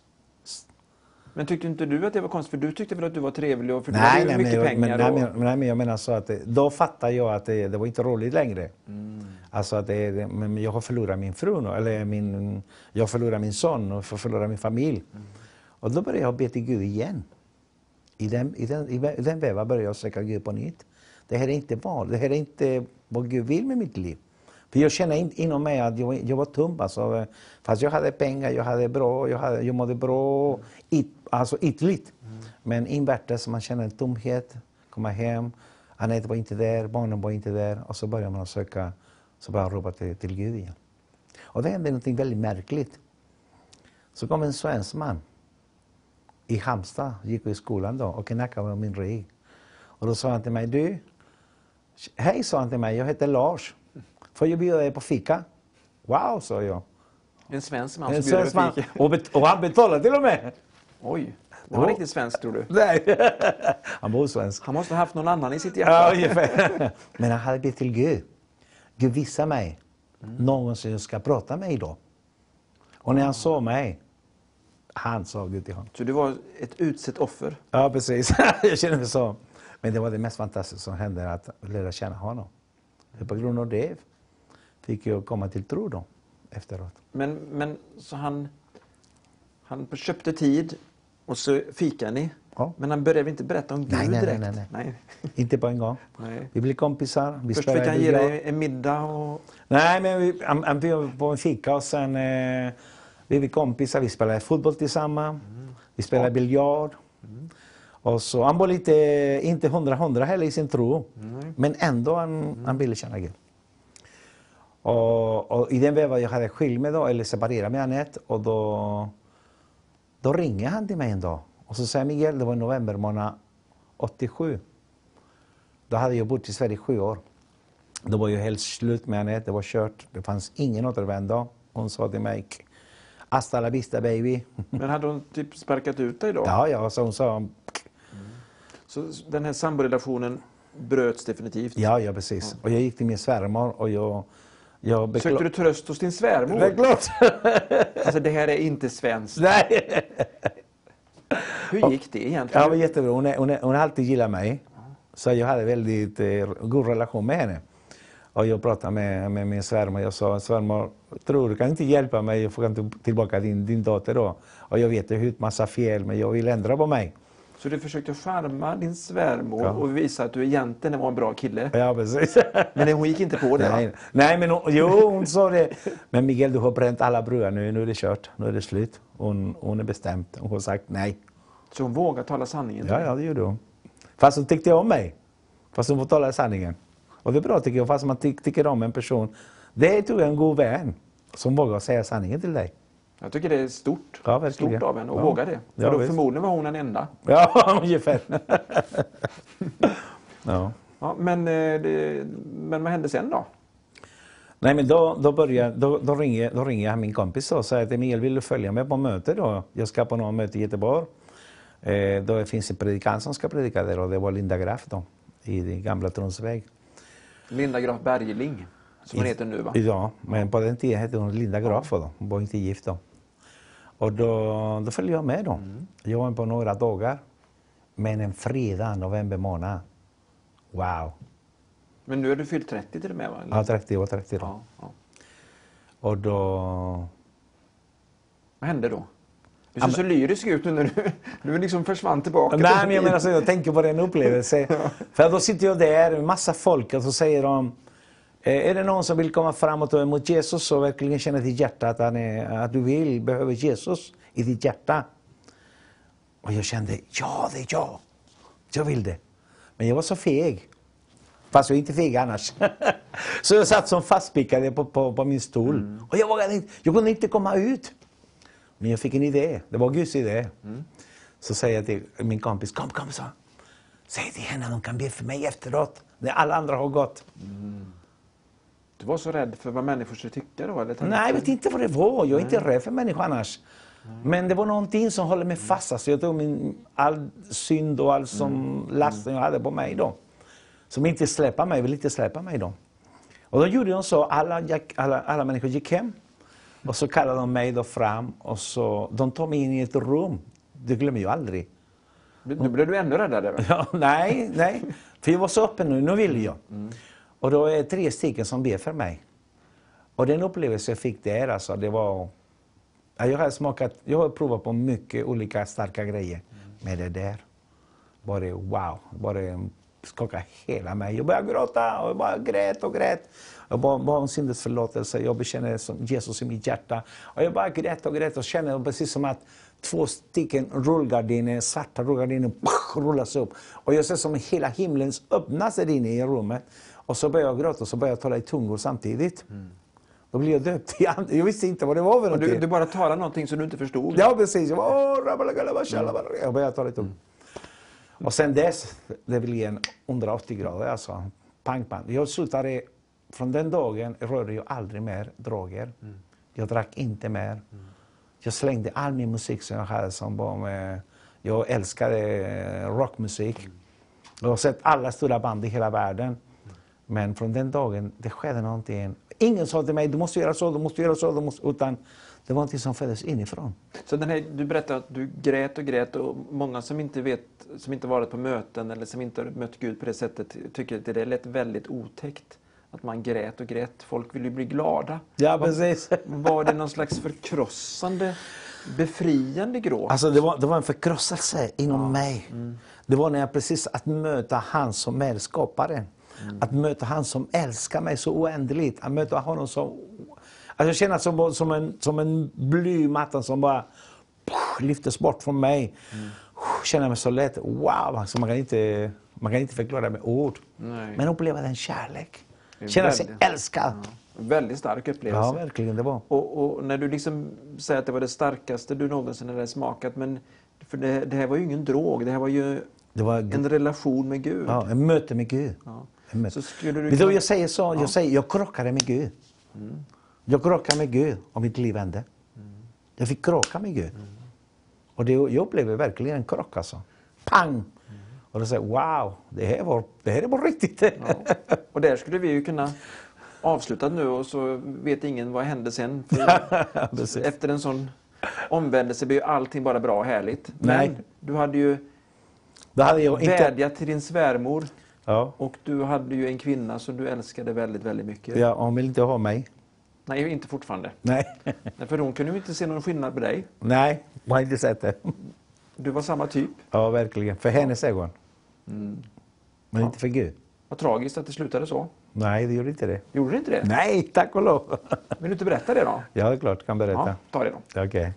Men det var så att sen kom jag hem och så började jag be till Gud. Jag bad till Gud att eh, jag bad till Gud att jag skulle få tillbaka Netto. Och Gud sa, inga problem. Det fixar jag, sa Gud. Gå hem till henne och så be om förlåtelse. Oj. Så det var inga problem för Gud, men det var ett problem för dig då? För Ja, det är klart. Jag är, ma- jag är machoman. Ja. Machokulturen kommer jag och sen komma tillbaka till henne och så be henne om förlåtelse. Det var tungt. Det var okej, men jag sa, det är inga problem. Jag gör det Gud. Så går jag och parkerar, jag minns så tydligt. Parkerar bilen, går till henne, knackar dörren, hon öppnar det. Och så börjar jag säga förlåt mig för det och förlåt mig för det och förlåt mig för det. Och förlåt. Hon tittar på mig och så vad är det för dåre? Alltså, han, är, han är inte klok. Hon gick inte på den lätte? Nej, hon köpte inte det direkt. Och sa, jag har blivit kristen, jag är troende och jag tror på Gud. Och så hon tittar på sig på huvudet och säger, vad har han tagit nu? Eller vad har han använt nu? Hon trodde inte du menade allvar, utan att, du, att det var någon slags försök att bara... Ja, få tillbaka till- henne. Men hon Ja. fattade inte som har hänt i mig. Och så... Men din lille son, han var ju bara kanske något år Ja, min då. Var inte hemma då. Nej. För han var på dagis och han Ja, inte var ledig. dagis, ja. Och då, då till slut, det gick inte många minuter så började vi tjuva. Vad sa du? Vi började bråka med varandra. Så Ja, ordet- ni börjar käbbla. tjabbla eller tjuva som varandra. Och då, och då säger hon, eh, då sa hon till mig att hon tror inte på mig. För att du var likadan. Ja, precis. Då är den samma. Och då, då går jag därifrån och slår jag dörren Nej, du smällde väl inte igen dörren? totalt. Så sa att eh, hon vill inte tro på mig. Hon, hon är, och så går jag och sätter mig i bilen och försöker köra därifrån. Det gick icke. Då sa Gud, hon, hon vill inte förlåta mig. Och då säger Gud, jag hör så, alltså sådana gånger man hör Guds röst så märkligt. Och säger Gud till mig, nej, så har Gud till mig, det är du som inte har förlåtit henne. Oj då. Men hur, vad menar du så? Ja, men gå tillbaka igen och be om förlåtelse. På riktigt då alltså? På riktigt. Ja. Andra gången. Så mina, mina fäder som jag har som indian då, så Ja.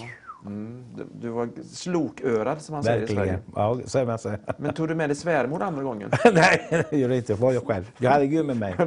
det kan vara bättre. ja, precis. Och då går jag andra gången så hände det. Men det hände samma sak igen. Samma, vi, kunde, vi kunde prata lite längre då den här gången. Innan bråket började? Innan bråket började igen och började tjiv och tjav. Och så pang stänger jag dörren så går jag och sätter mig i bilen. Men jag kan inte köra därifrån, det är så märkligt.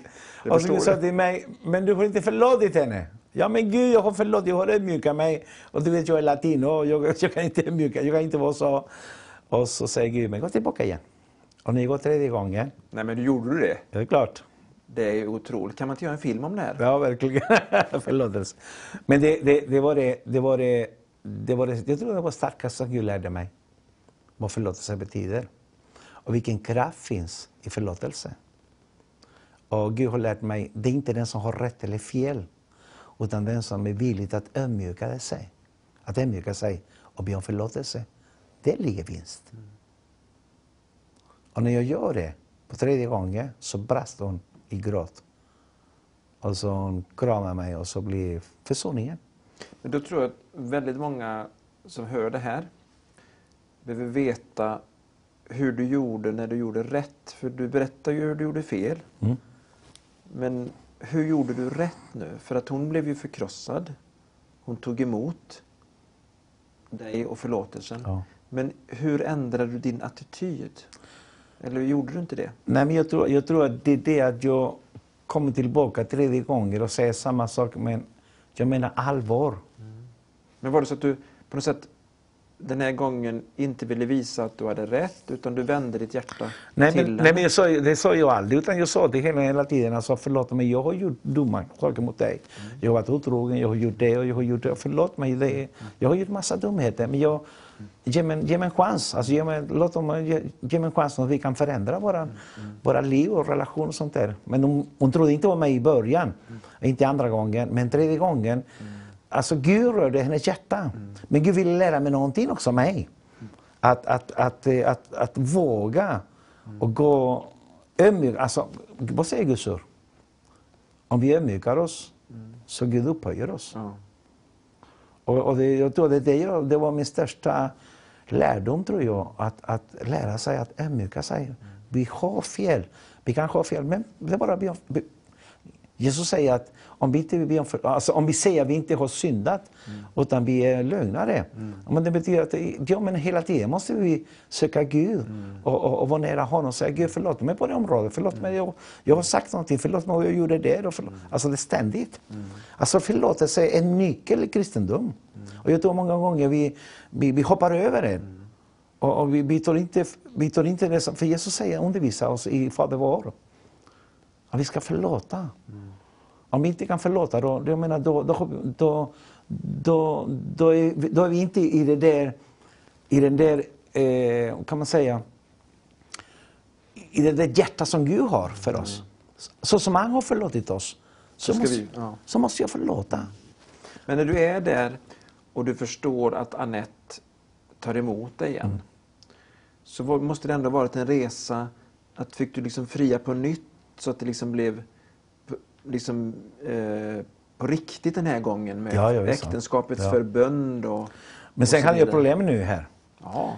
För att, Säg inte att det var svärmor den här gången. nej, nej, nu är det, nu är det min fru. Som är min fru nu.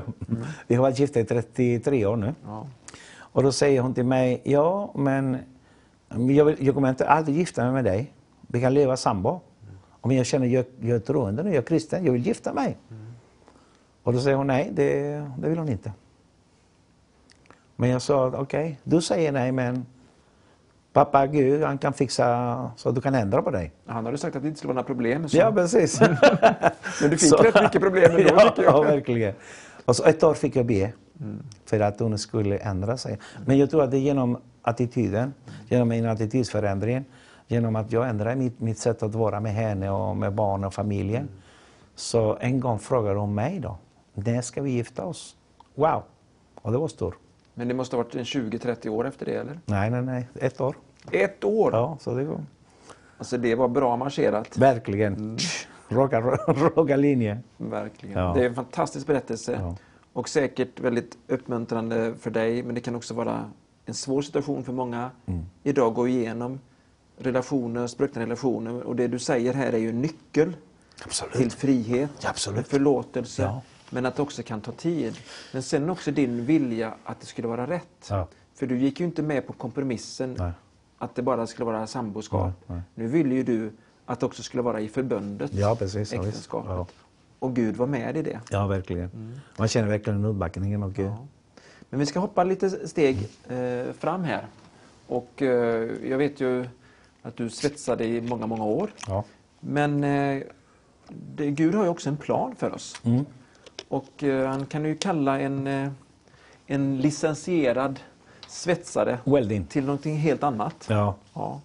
Och eh, har du någon sån upplevelse att men nu ska du gå den här riktningen? Har du något sånt tilltal över ditt liv? ja, absolut. Det finns- sådana tilltal som verkligen man, man känner att det, Gud talar och det är allvar. Och det var för tre och ett halvt år sedan då. Så Gud sa till mig, jag, jag, var, på, jag var i Verobruk, på pappersbruken. Och jag var uppe på en jättehög torn som de byggde. En kokeri, en ny kokeri som vi byggde där. I Hyltebruk? Hil- Nej, nej, nej, detta var i, i Verobruk. Här i, i Väröbruk, Ja, i Verobruk. ja. Mm. Jag är högst upp, 75 meter upp i luften själv och så ser jag hela havet och hela naturen. Det är fantastiskt.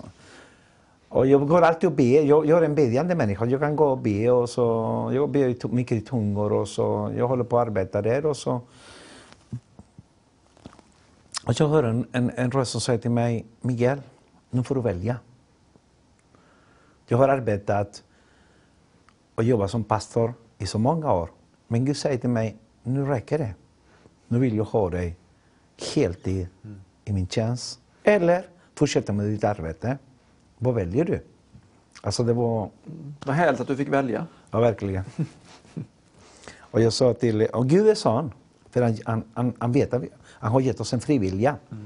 Och så, så sa jag till Gud, ja, men jag väljer dig. Jag vill fortsätta känna dig. Jag vill fortsätta att resa och det är det jag brinner för. Det är min längtan. Jag vill se människor bli frälsta. Jag vill se människor resas upp och, och så vidare. Och då, då bestämmer jag mig då. Men nu gäller det en, nu blir det ett problem. Ekonomi. Jag är van att tjäna goda, mycket pengar. Ja. Och min familj är van att ha pengar hemma. Eh, vi reser mycket och vi gör roliga grejer och sånt. Där. Och så plötsligt ska jag gå ner till en tredjedel av den måliga lön jag brukar ha. Och så pratar jag med henne och berättar att Gud har talat till mig. Jag måste göra det här och jag måste lyda Gud. Och då säger hon till mig, ja men vi får be, be över det och så frågar vi, inte fråga men be över det och så får vi se vad. Men jag känner nej, men det, Gud har talat så, så jag gör det. Jag, jag, jag behöver alltid ha ett ord. Mm. Så kan jag hålla fast och känna att ja, men Gud har talat och jag har ett löfte här. Mm. Jag bygger på ett löfte. Jag har alltid byggt mitt liv att jag har ett ord mm. som ger mig ett löfte på vad som ska hända. Och då får jag Markus evangelium 11. Mm. Den som lämnar far och mor och barn, allt för hans skull, mm. så ska han få hundra gånger tillbaka redan ja. nu i den här tiden. Mitt i motgångar, mitt i mm. förföljelse ja. och evigt liv. Wow, sa jag. Mm. Jag sa, Gud, det här är ditt ord. Du har gett mig det ordet. Du har, gett mig, du har gett mig ett löfte. Så jag står på ditt löfte. Okej, okay. jag lämnar mitt arbete. Jag lämnar min goda ekonomi och så börjar jag tjäna dig heltid. Jag, jag har aldrig rest så mycket som jag har gjort sedan jag lämnade mitt arbete. Gud har använt mig i så många olika länder. Och eh, ja, jag är superlycklig. Jag är överlycklig att jag gjorde det valet. Men du tänker säkert många att du är superlycklig. Du lämnade det här arbetet med den väldigt bra inkomsten. Mm. Och så har du en, en ganska så enkel eh, pastorslön eller inkomst. Men eh, är det inte jobbigt med den skillnaden när du inte bara kan köpa vad du vill, resa dit du önskar, utan nu ska du liksom vara beroende av Gud för din ekonomi? Ja, men det, jag måste säga det att jag har inte, jag har inte märkt skillnaden. Mm. Det, som är, det som är fantastiskt mycket. Mm. Jag har inte märkt skillnad att jag har inte känt att jag har haft lite pengar. Jag har inte märkt att jag har mindre pengar nu än vad jag hade då. Men då är van att få 30, 35, 40 tusen varje månad i handen. Och så plötsligt får jag 10, mm. 12. Mm. Och det är stor skillnad. Ja. Men på något märkligt sätt alltså, man blivit en sån förvaltare. Mm. Och så jag har gjort hur mycket som helst alltså. Mm. Och jag kan köpa mig, vi kan gå ut på restaurang och äta jag och mm. ja men jag menar det. Mm. Så du upplever ändå att Gud liksom har inte gjort att du känner dig fattig utan du liksom, det, det, det, fungerar? Ja, ja, visst. Det är ju väldigt uppmuntrande för människor som ska ta steg. Ja. Att de förstår att Gud sätter oss inte i någon knipa. Nej. Men han lär oss att, att våga förtrösta, och förtrösta på honom. På honom. Ja. absolut. Jag vet ju, jag har ju rest med dig mm. Du, du är med om fantastiska bönesvar. Mm. Och uh, du är ju på många platser i världen. Mm. Vi har också varit tillsammans i, i Etiopien ja, och i Spanien. Spanien ja. Men du har också varit mycket i Sydamerika. Ja. Det är liksom din eh, ursprungskontinent, hemkontinent. Mm. Och, eh, har du något som du skulle vilja dela där? Något sånt här liksom bönesvar, något dramatiskt som bara tänkte det här, det här var verkligen Gud med? Mm. Ja, det finns många. Men eh, i, i februari i år var vi i Chile då, på en konferens. Och Vi blev bjudna till en ungdomskonferens i södra Chile. Det fantastiska där i södra Chile det är många svenska missionärer som har varit och startat församlingen. Mm. Och i den församlingen som jag åker dit, det startade eh, Ivar Svenssons pappa mm. och Henry Svenssons pappa. Och de berättade hur det var då. Och när man kommer dit och så åker vi ut på landet och så predikar för dem. Den pastoren rör ungefär 35 olika församlingar runt omkring. Han är som en apostol då där. Och jag och han äter där och så möter vi sådana enkla människor. Människor kommer med hästar på möte. De rider i sin häst i en och en halv timme för att komma på möte. Och det gör, det, det, det, alltså för mig berör, folk står där och grillar en stor gris där mm. i tre, fyra timmar. För vi skulle käka lunch sen efter mötet då. Och när jag går in i den lilla kapellen där så ser jag en värst lovsångsteam alltså. Och människor så hungriga efter Gud. Och de berättar hur det var, eh, för det är en riktig indiantrakter, alltså de bor i riktiga chilenska indianer idag. Araucania heter det. Arauca, äh, eh, eh, det, är den sorts indians som finns i södra Chile. Och när man ser hungriga människor, de tar emot helande, de tar emot befrielse, de är så öppna för Gud. Och man känner sig, wow alltså. Uppleva bara den där, den där ja. hunger. Fantastiskt. Och sen familjen som kommer ridande med häst. Mm. Mamma, pappa och pappa och mamma har varsin häst. Mm. Och en liten flicka framför hästen då. Mm. Framför mamma hade med sig. Och så man känner, wow! Vilken, vilken kärlek, vilken det är inte konstigt att Gud gör saker och ting där. Mm. Den som förväntan. Mm. Och så jag säger till församlingen här, till min församling här i Göteborg att eh, ibland gnäller vi för att spårvagnen har tagit tio minuter för längre tid eller en halvtimme mm. eller kommer för sent. Mm. Och de gnäller inte för de får rida med sin häst i en och en halv timme, två timmar mm. för att komma på möte. Då. Och de är så glada och så förväntansfulla. Och det man upplever jättemycket helande, människor blir frälsta, människor blir helade. Och ungdomar är så brinnande. Eh, så jag känner så att det ja, när du ser det, man blir så påverkad, man blir ja, så uppmuntrad. Man, man känner att det är... Och sen då när du ändå lämnat så är det på sätt att de, de vill ju värva dig tillbaka för att göra lite extra svåra jobb ibland på Ringhals. Ungefär. Ja, och då tycker jag att eh, då måste du känna dig väldigt glad för det. Men jag förstår att du liksom när du har en talarstol och du är i andra länder och du är i din, i din eh, nystartade församling i Varberg mm. eller i din församling här i Göteborg, i Göteborg mm. så kan du vara väldigt frimodig. Men när du kommer till Ringhals, bland de här råbarkade svetsarna, mm. då vågar du väl inte yppa någonting om att du tror på Jesus? Ja, men det, det, det märkliga är att om jag, om, om jag presenterar mig, eller de säger så ja men gå och fråga pastor. Så de kallar dig, för pastor redan ja, då? jag är pastor för, ja. för, för Ringhals äh, äh, svetsavdelning. Ja. Jag, började, jag började som en svetsare, men idag är jag projektledare. Mm. Så då jag, jag har stigit i graderna lite grann. Ja. Så jag, när de kallar på mig nu i detta året, då, det var, det var ett märkligt eh, tillstånd då, precis mitt i pandemin. Mm. Mm. Så de, förra året ringde han till mig, chefen, då, sa kan du komma och hjälpa oss nästa år då? Vi behöver att du kan vara ansvarig för två olika projekt då, på reaktor 3 och reaktor 4. Och i reaktor 3 händer något väldigt märkligt. Alla vet att jag är pastor, alla vet att jag är troende. Ingen säger till mig, eh, kommer Miguel eller kommer chefen, här kommer pastor. Mm. Och då, de vet att jag bara håller Men Tycker du om det? Känns det som att du får liksom mer frimodighet eller är det, ja, är det lite retsamt? Nej, nej tvärtom. Alltså, mm. att det, respekt? Jag, jag, jag får respekt. Mm. De kan skoja det, ja. men efter jag inte bryr mig. Jag, jag, du bjuder på det? Ah? Ja. Så jag, jag låtsas som och, då, och då, det händer något väldigt märkligt alltså, som man tänker, är det sant? Alltså, efteråt, hur kan man vara så tokig? Och då håller vi på att göra ett arbete. Vi håller på att byta jättestora ventiler. Mm. Som, eh, skulle, och du vet, vi måste följa en viss planering. Vi har vissa timmar på varje sak vi gör. Och så, jag hade några svetsare och några montörer och så de, de, de kallade mig pastor, du måste komma, eller Miguel, du måste komma för att svetsmaskinen fungerar inte och det, vi har moderna grejer, fina grejer, fin, fin eh, Vertic.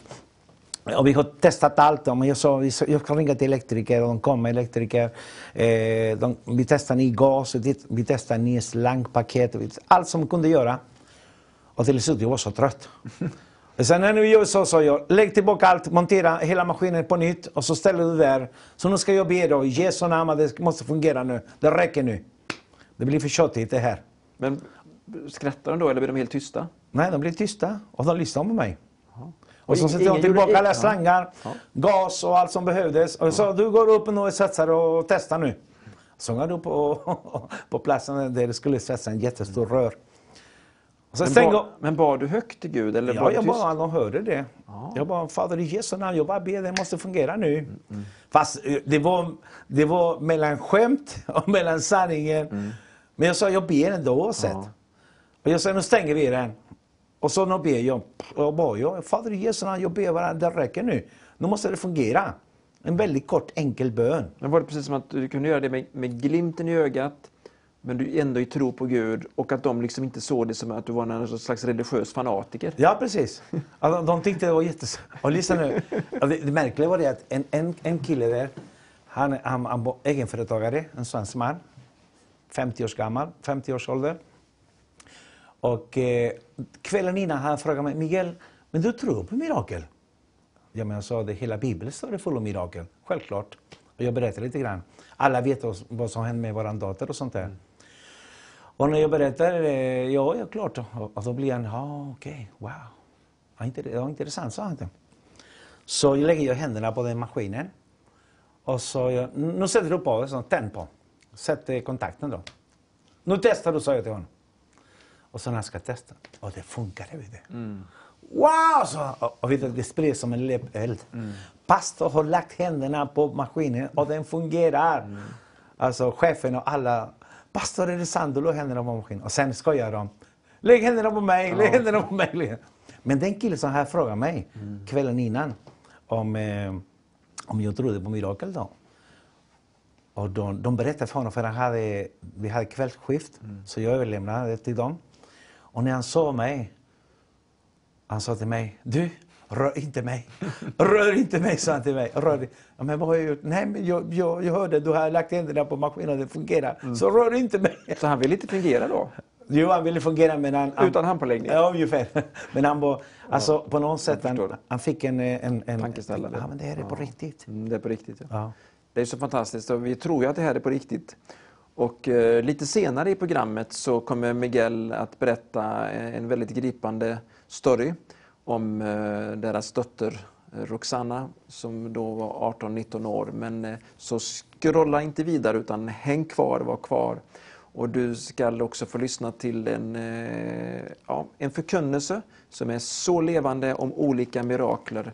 Men innan det så ska du få lyssna till en sång. Men vi säger redan nu, ta gärna fram din mobiltelefon eller padda och så skriver du ner tacksägelseämne, lite feedback och gärna ditt bönämne. Och tyvärr är det så att när man håller på så här med mobiltelefonen så kan det försvinna från min eh, eh telefon. Så skicka det gärna på nytt om du märker att inte just ditt bönämne kom med. Tack för det. Nu lyssnar vi. Ja, eh, så tacksam att kunna vara här idag och så dela en, en, eh, en vittnesbörd som hände med, med, med vår dotter då för eh, ja, 12 år sedan. Då. Eh, när, jag då, när jag förberedde för att komma hit och så får jag, får jag så starkt i mitt hjärta om, om de fyra mirakel som finns i Lukas evangelium 8. Eftersom jag har varit med och sett Guds mäktiga ingripande i en sån situation som läkarna säger, vi kan inte göra någonting, det ser omöjligt ut. Men jag tror på en Gud som har eh, kraft och som har eh, eh förmåga i vilken situation du kan befinna dig. Det första som gör i Jesus i, i Lukas evangelium 8, han möter, en- de möter en storm.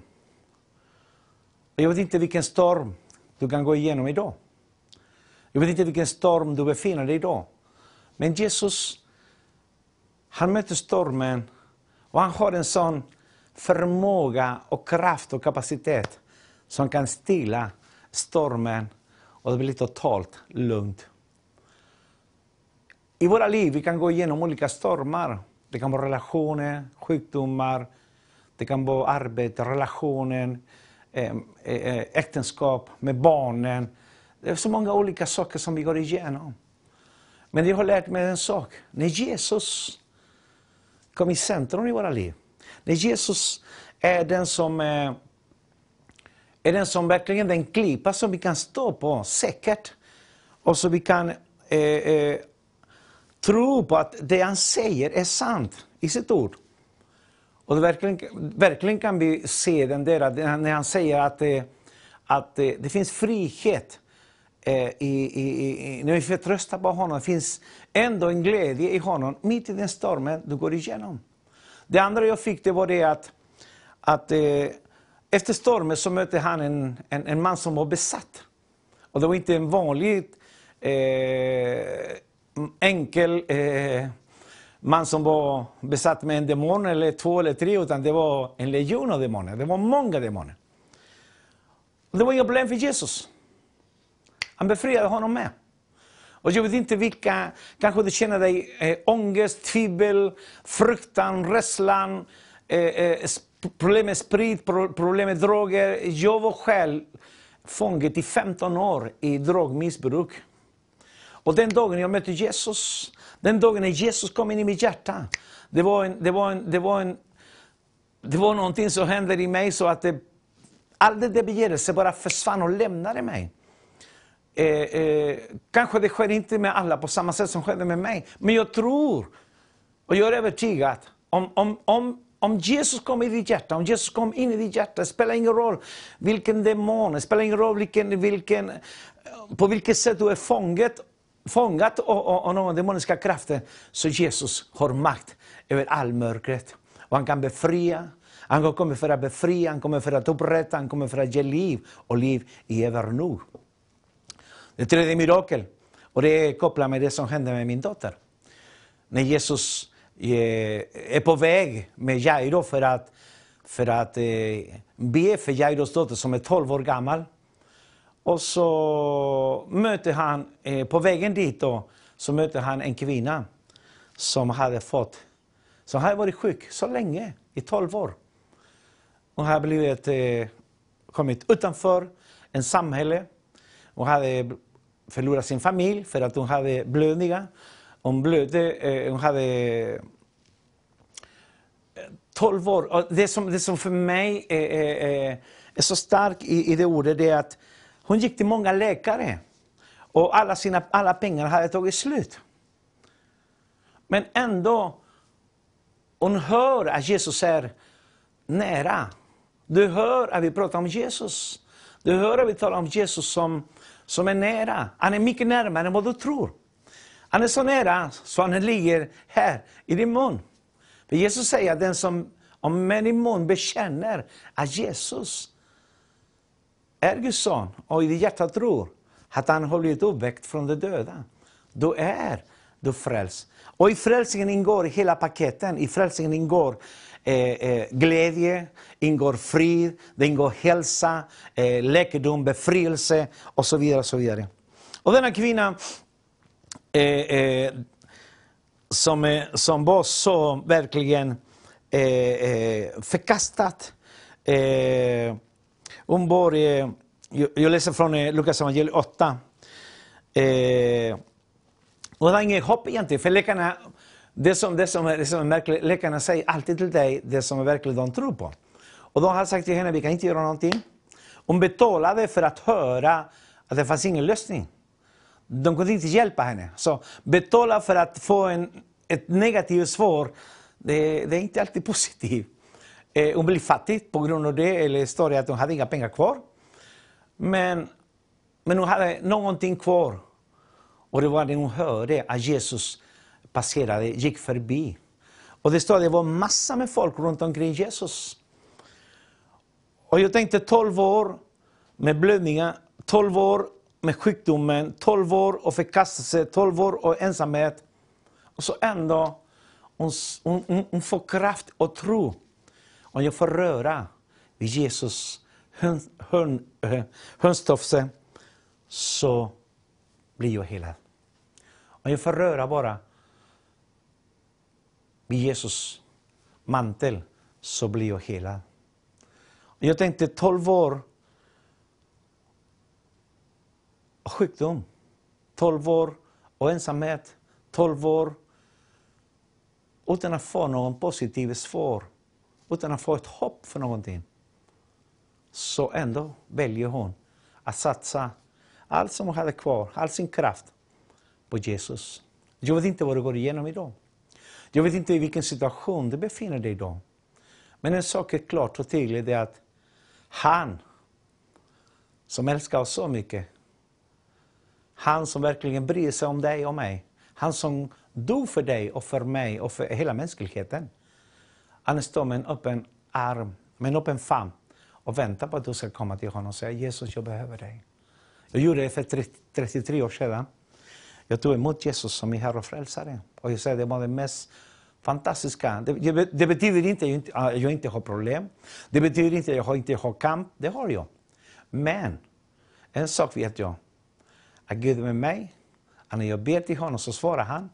Och att alla löften som finns i, i, i den här bibeln gäller mig idag och det gäller dig också. Jag tror på läkedom, jag tror på helande, jag tror på mirakel, jag tror på befrielse. Jag tror att Gud är mäktig, att det finns ingenting omöjligt för den Gud jag tror på.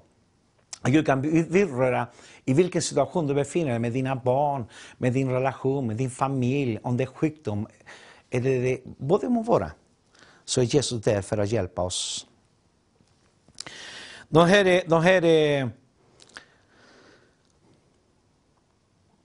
längtan som vem som helst kan ha.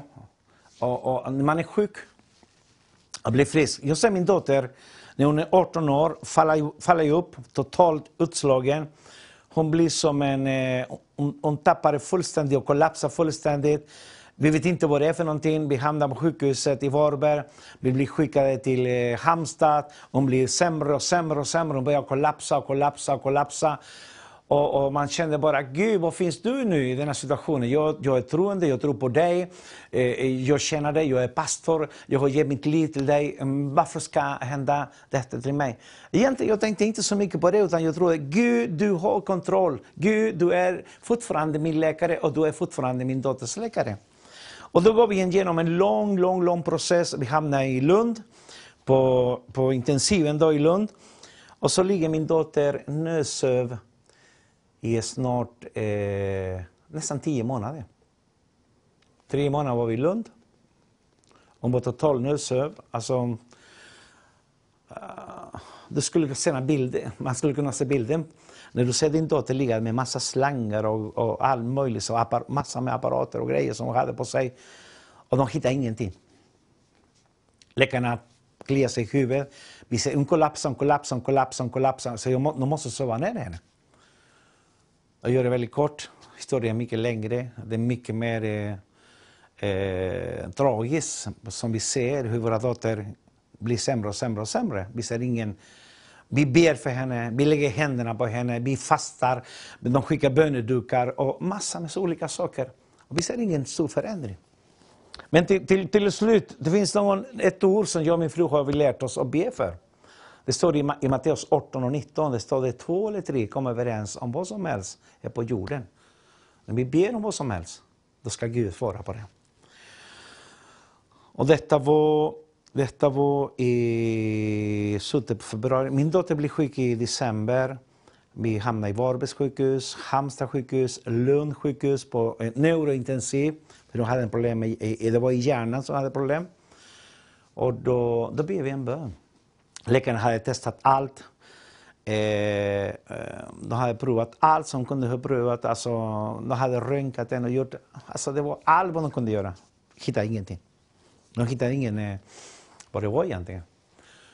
Men den dagen när vi ber om bön med, med, våra, med, med min fru så åker överläkaren då på någon konferens. Då. Och på väg till konferensen så, så öppnar han en, en, en, eh, en tidning. Det står det om en, en som hade upptäckts i, i, både i USA, Pennsylvania och i Japan.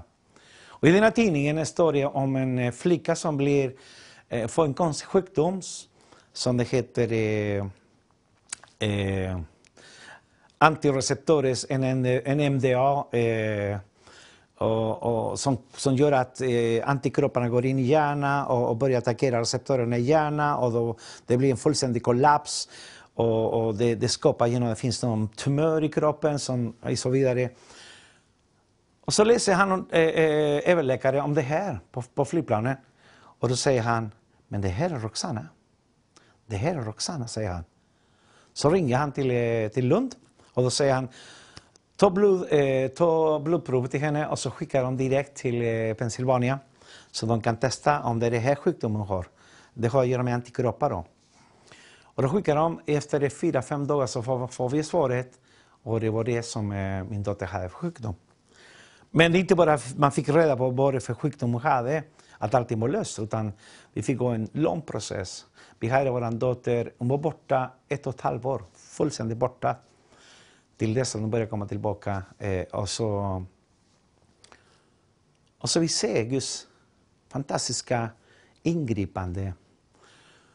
Och, och, jag minns att jag hade en, en, en stor eh, foto på min dotter i hennes rum då, i, på sjukhuset med långt hår. Eh, när hon var på sjukhuset hon hade klippt all hår som hon hade. Eh, för de hade massa olika eh, apparater i huvudet och ja, hur mycket som helst. Och jag säger till sjuksköterskorna och läkaren så en dag ska jag komma tillbaka med min dotter och ni ska se henne som det står i bilden i kortet. Med långt hår. Hon ska stå, hon ska gå och ni ska se henne. Och de tittar på mig. Ja, ja okej. Okay. Han får tro vad han tror. Men eh, då, då började de behandla henne de med cytostatiska mot eh, cancer egentligen. Och det är för att ta bort eh, eh, antikropparna som hade gått in i hjärnan. Och när de gör det så börjar, de, då börjar hon reagera, men det tog jättemånga månader. Men hon blev klarare, klarare, klarare. Hon fick lära sig att gå, fick lära sig att skriva, fick lära sig att äta. Fick lära, fick lära, det är precis som att få en flicka som var eh, 19 år, hon var på väg till 20 år och så hon fick lära sig som ett litet barn. Börja, sig alltid, börja lära sig alltid från början. Och då hände någonting helt underbart att se Guds hand när läkarna säger Flickan, du är en mirakel. Och till slut eh, ringer överläkare från eh, Lund och de vill att vi ska komma till Lund med vår dotter. Jag har gått två och ett halvt år, nästan tre år. Min dotter var helt återställd, långt hår, som, som jag hade sett som det var i bilden då. Och så kommer vi ner till sjukhuset i Lund. Och jag ringer till dem för att de ville gärna träffa Roxana. Och då ringer jag till Lund och säger att vi är, vi är på väg ner, vi ska komma ner för de ska ta bild på henne för att hon är den första som upptäcker de här i Sverige. Det är den första eh, eh, eh personen som, som sjukdomen blir upptäckt och de vet var, varifrån det kommer och hur kan de behandla det.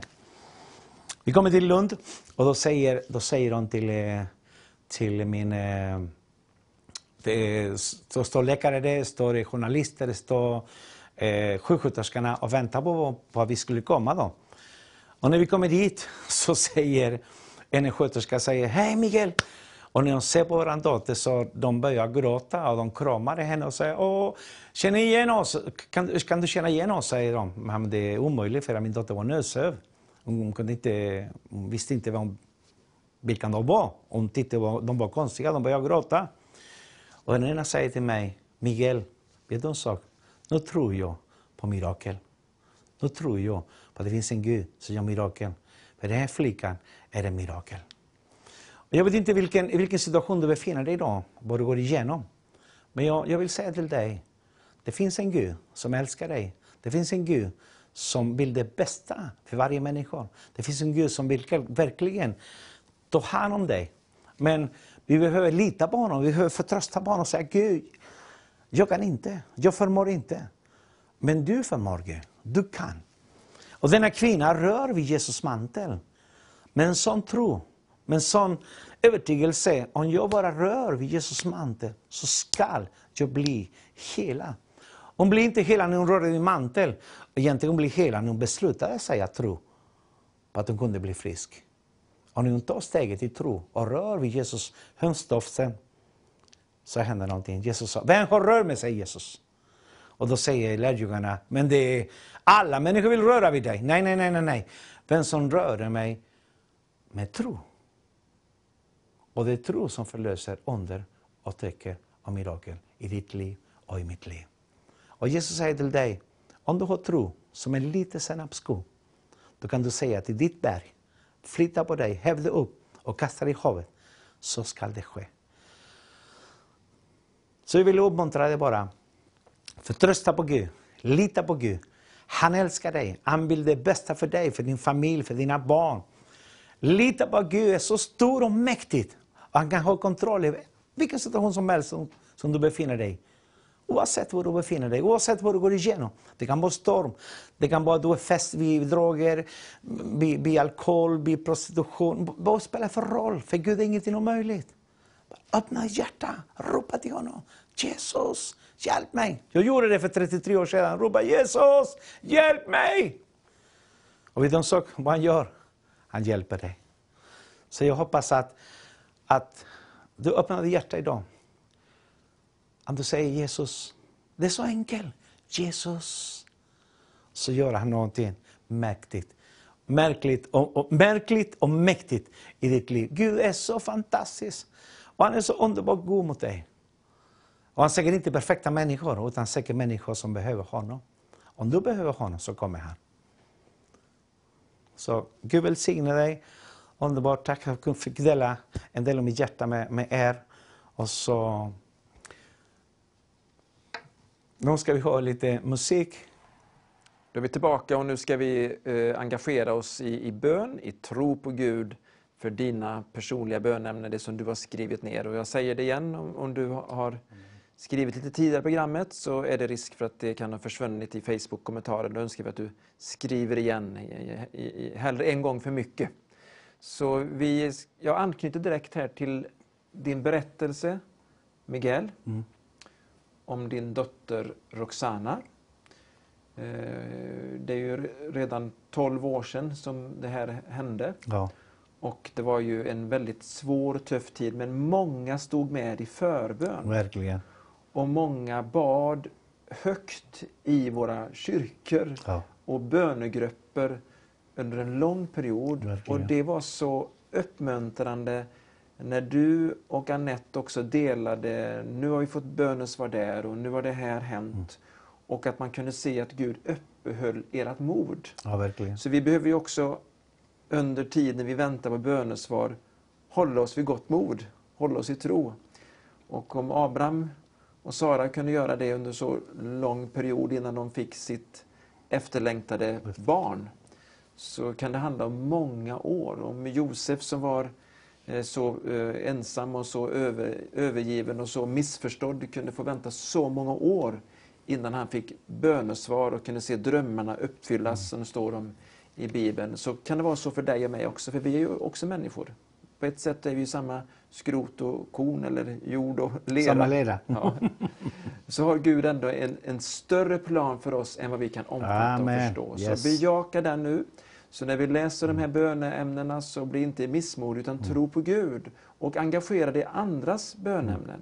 Engagera dig i andras bekymmer, bär varandras bördor så uppfyller vi Kristi lag som är en mm. kärlekslag, att vi ska älska Gud men också vår nästa. Yes. Inte bara vår egen familj och vår mm. egen situation utan sträcka sig ut mot andra. Det är det förbön handlar om.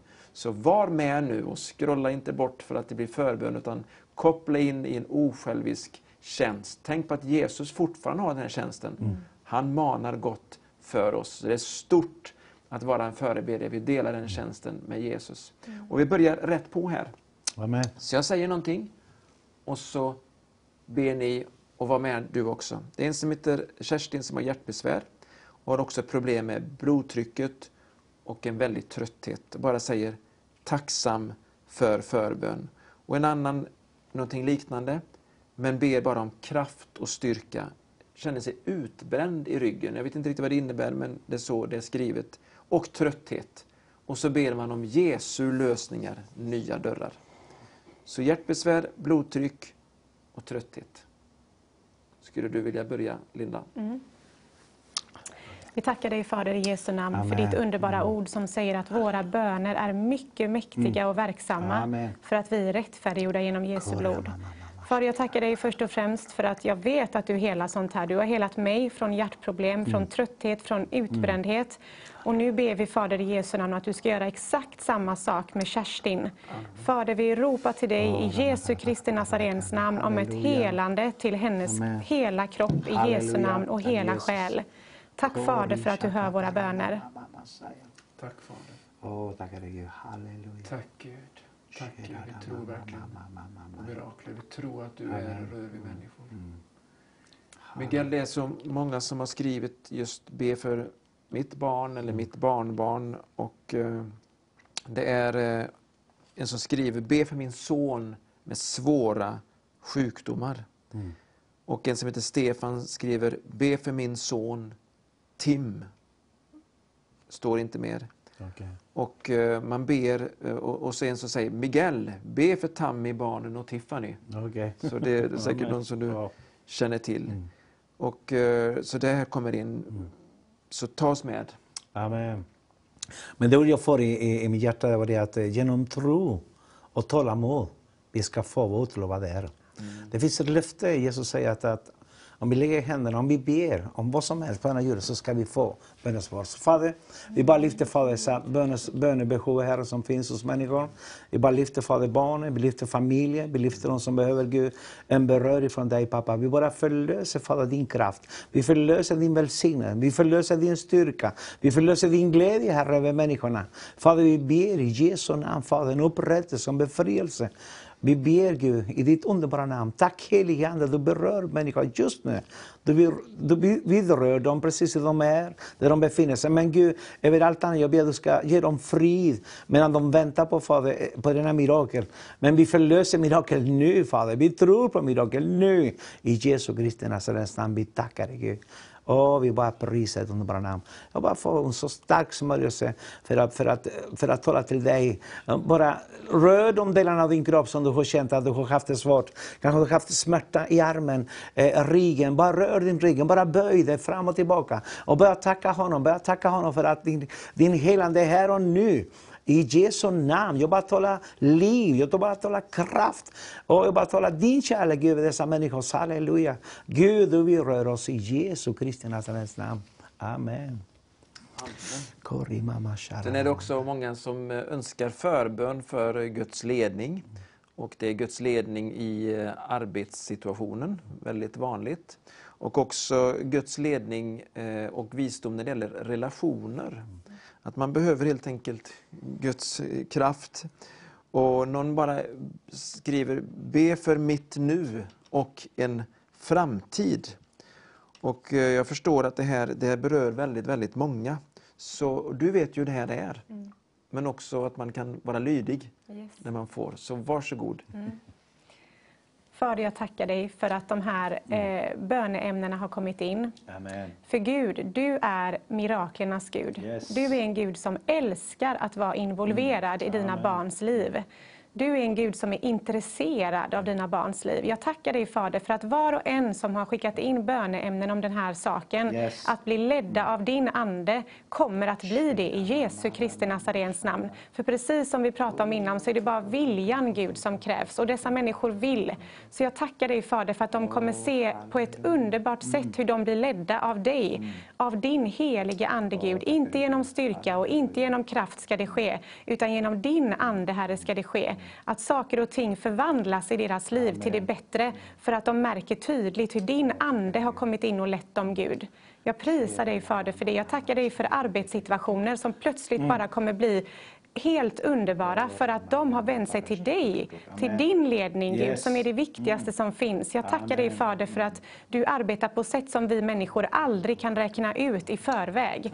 För du är en Gud som är allvetande, allsmäktig och allestädes närvarande.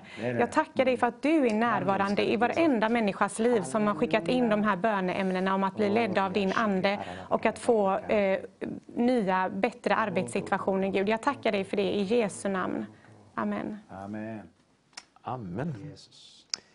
Tobias skriver in till oss och önskar förbön för sin svåger Simon som har fått diskbråck. Simon är bara 25 år och eh, ber att Gud ska hela.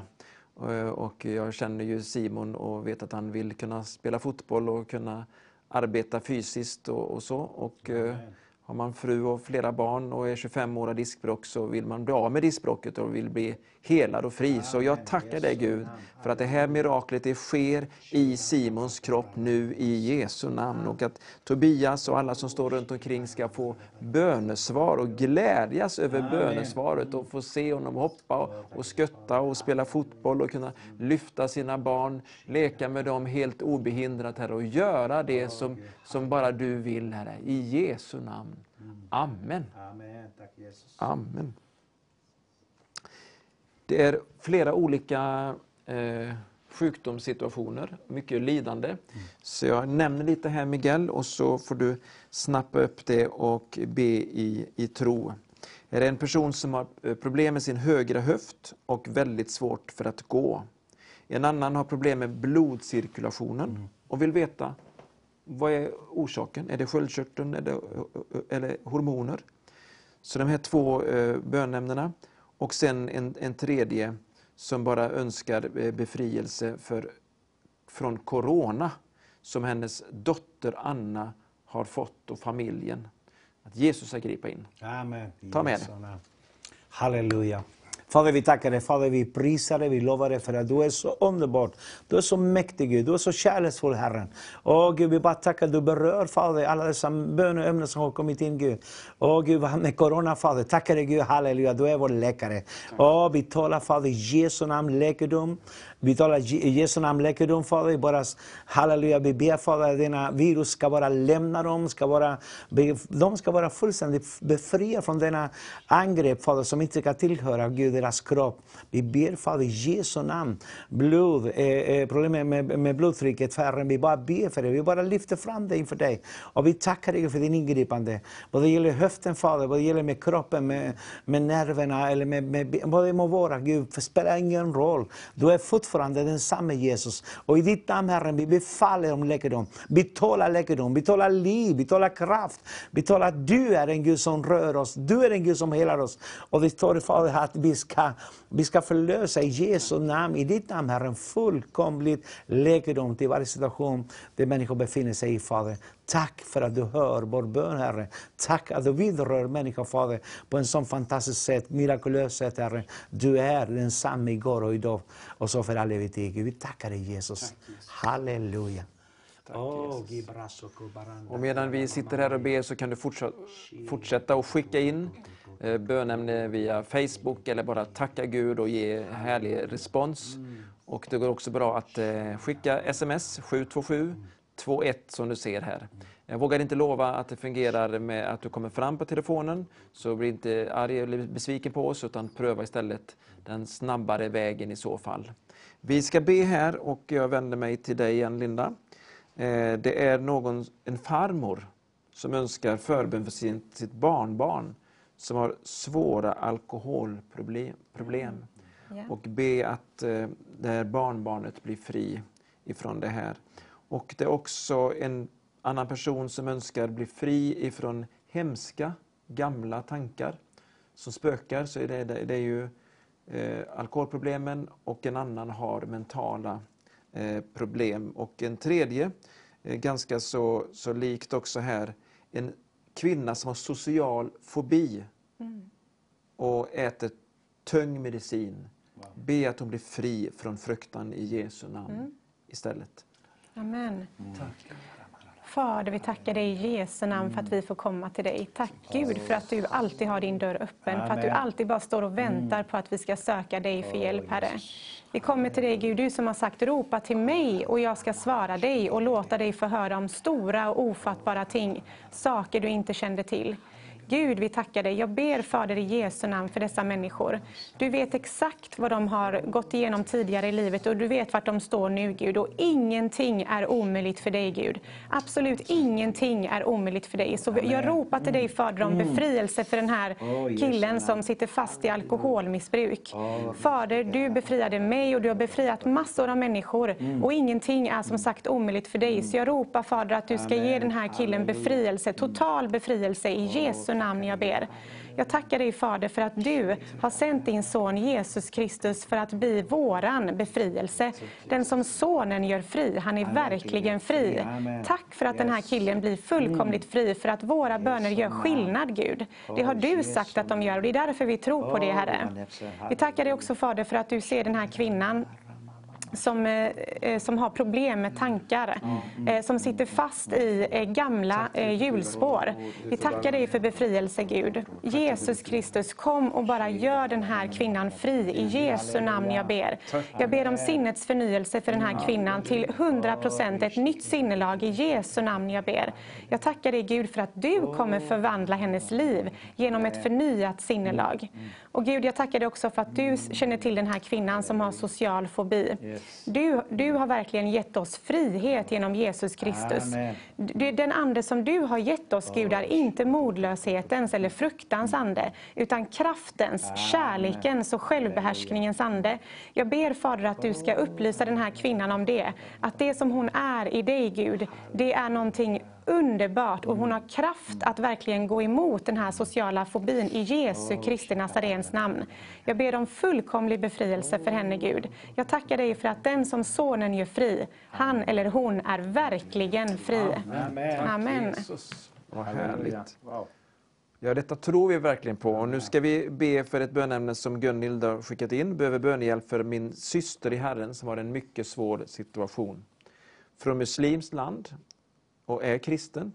Hennes man måste återvända till hemlandet och hennes äldste son har svår PTSD efter svår uppväxt med sin biologiska far. Och hon behöver få stanna här med sina barn. Hon vill att jag ber om förbön. Så vi ska be för Gunnils väninna. Så är du med också och ber för alla dessa människor som står i svåra situationer, som behöver vår barmhärtighet, vår medlidande, men också vår förbön. Varsågod Mikael. Amen.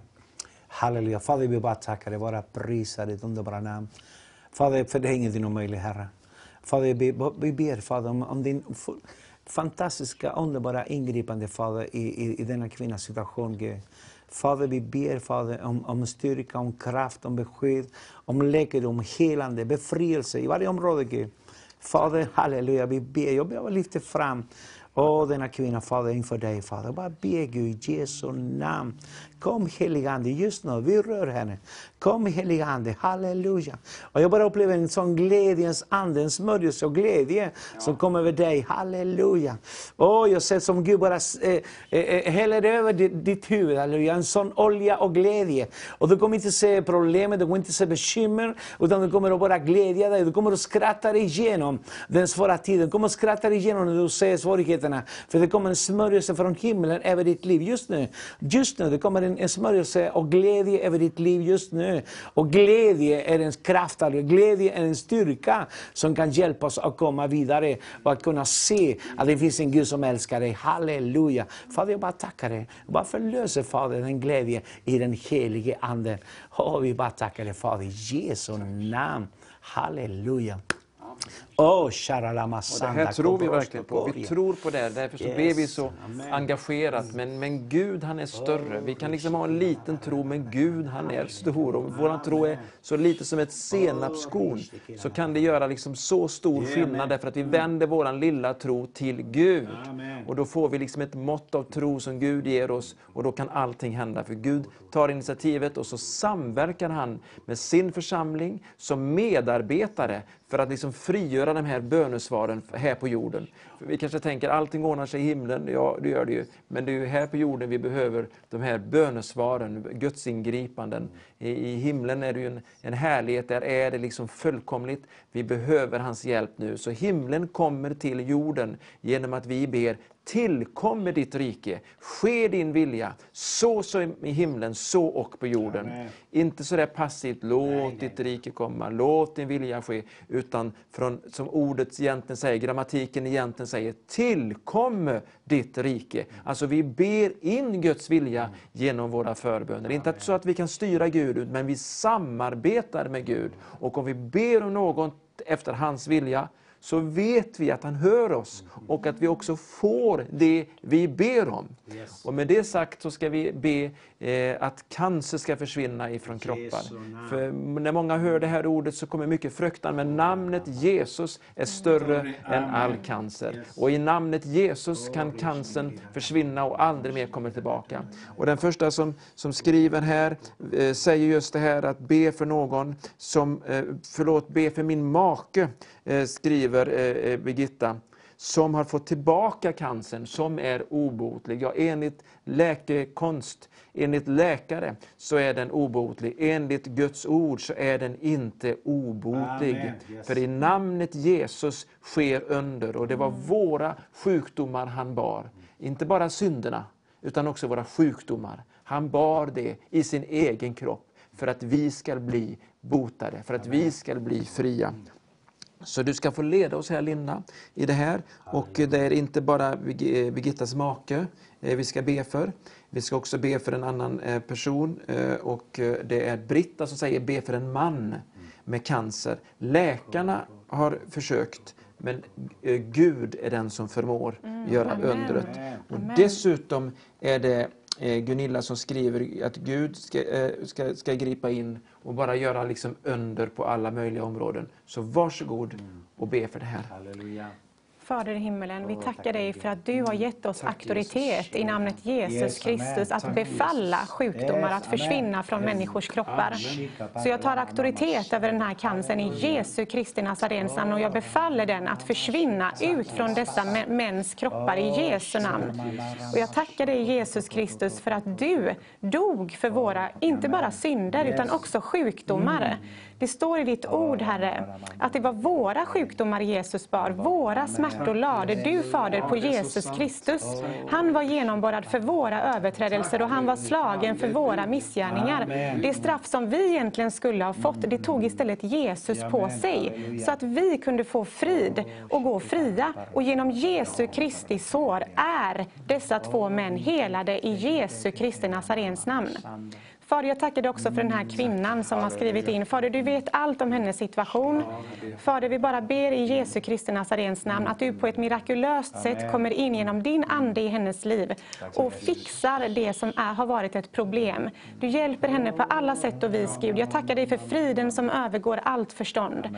Jag tackar dig för ditt ord som säger bekymra er inte för någonting, utan lägg fram allt inför mig, säger Herren, genom åkallan och bön och tacksägelse. För då ska friden som övergår allt förstånd bevara era hjärtan och era tankar i Kristus Jesus. Vi tackar dig Fader för vilka vi är i Kristus Jesus. Vi tackar dig Fader för vilka vi har blivit genom Jesus Kristus. Tack för att du är kärlek Gud. Tack för att din vilja för våra liv är att vi ska vara friska till ande, själ och kropp. Så vi tar emot hälsa i Jesu namn.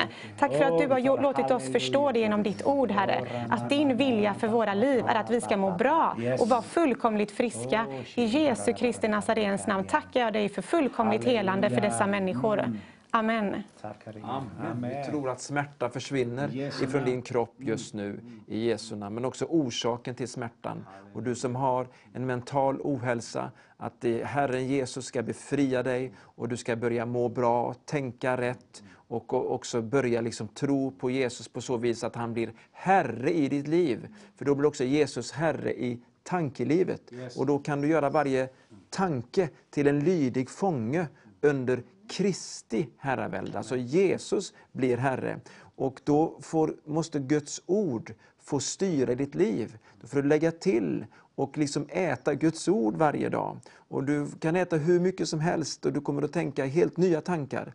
Det kan vara väldigt svårt att ta bort tankarna. Jag tror inte på, på liksom mindfulness eller att man ska bli helt tom i tanken. Jag tror att man ska bli att man ska byta bort sina tankar och få nya, förnyade tankar, goda tankar. Att liksom bara liksom att det ska vara svart eller tomt där, då kan det fyllas med allt möjligt konstigt jox. Så det ska du inte gå på, utan du ska byta bort tankarna mot Guds tankar genom att läsa Guds ord, under bön i den helige Ande. Du hör här ibland att vi talar på olika språk som du kanske inte förstår. Det, är, det kan vara ett bönespråk, ett, ett tungotal. Och det är någonting som den helige Ande inspirerar oss till, som hjälper oss också i vår förbön. För vi vet inte vad vi ska be, men den helige Ande vet vad vi ska be. Och du kan få bli fylld av den helige Ande där du är just nu. Du kanske undrar hur ska det gå till? Du kan bara ropa till Jesus, fyll mig med den helige Ande. För den helige Ande är redan utgjuten. Det handlar bara för oss att ta emot den heliga Ande i tro. Först naturligtvis gör vi Jesus till Herre i våra liv, tar emot syndernas förlåtelse, men vi tar också emot ett dop i den heliga Ande, att bli helt nedsänkt av den heliga Ande, helt fylld av helig Ande som är Gud själv här på jorden, i oss, i sin församling, i våra liv. Så Gud välsignar dig att göra det. Vi väntar in lite fler eh, tacksägelseämnen och bönämnen så att vi kan fortsätta och be tillsammans med dig. Så du har fortfarande chans att smsa in. Du ser numret här som du kan smsa till eh, i underkant här. Och så kan du också skriva ditt, ditt bönämne. Du kan också i Facebook-kommentaren skriva. Och har du inte fått med ditt bönämne än så har det tyvärr försvunnit. Då får du skriva det en gång till. Och eh, en som heter Monica hon undrar vad är det för härliga sånger ni har? Ja, vi har ju hur mycket härliga sånger som helst. Men kanske du menar just den här sånggruppen som, har sjöngt, som sjöng här senast, så är, är det en grupp som heter Canas Voice. Så här får du lyssna igen och så ber vi strax med dig igen. Ja, där fick du lyssna till Canas Voice. Nu ska vi be här väldigt eh, distinkt eftersom vi bara har några minuter kvar.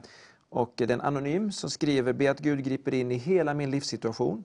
Yrsel, tumör i öga, ekonomi, relationer Gud vet vad. Men också helande till kropp och själ, relationsproblem med en man och mina barn, upprättelse. Ta det med. Amen. Fader, vi tackar dig. Fader, vi prisar dig. Fader, vi talar in i den situationens liv som denna kvinna befinner sig, Fader. Gud, du är allsmäktig. Gud, du är allvetande. Gud, är, du är allnärvarande, Herre. Så i Jesu namn, Herre, vi tar auktoritet. Vi bara tar auktoritet över all sjukdom, all förbannelse. Vi näpser all förbannelse, men över allt annat, Gud, jag vill att din heliga Ande ska fylla denna kvinna, Fader, med glädje. Ska fylla denna kvinna med förväntan, med hopp på att du kan gripa in, att du kan göra under, Herre. Hon, hon ska sluta se på sina bekymmer och problem på det sättet. Och hon ska börja tro på dig, Herren, att du är mäktig att du gör under och du gör mirakel idag, Herren. Så Fader, jag bara tackar dig för under och mirakel i Jesu Kristi Nazarens namn. Amen. Och Miguel tar också med en som önskar be för min dotter. Hon är 40 år, mm. tre barn, mm. mycket bekymmer med arbetssituation och så vidare. Riskerar att gå i väggen. Amen. Fader, bara be, Fader. Jag upplever bara att det, det, det, det, har, det har varit en sån mörk, en, en sån betryck i andevärlden. Fader, jag bara ber i Jesu namn att den heliga Ande ska fylla denna kvinna, Fader, med din kraft. Att den heliga Ande ska bara ge henne en ny vederkvickelse, Fader, i själen, i kroppen, i, i hela hennes varelse, Gud. Jag ber, Fader, i Jesu namn, kom heliga Ande, bara fyll denna kvinna just nu, Herre. Just nu, Herre, med liv och kraft och glädje i den heliga Ande. Vi tackar dig, Fader, i Jesu namn. Amen. Oh, det här har varit helt fantastiskt. Tiden går mot sin slut. Eh, bara distinkt människor ber om Guds ledning när det gäller att träffa den rätte, träffa den rätta och också att vara det för någon annan. Så bara ta med det här, men väldigt distinkt. Gud, jag tackar dig för att du har en plan för varenda mm. människas liv. Mm.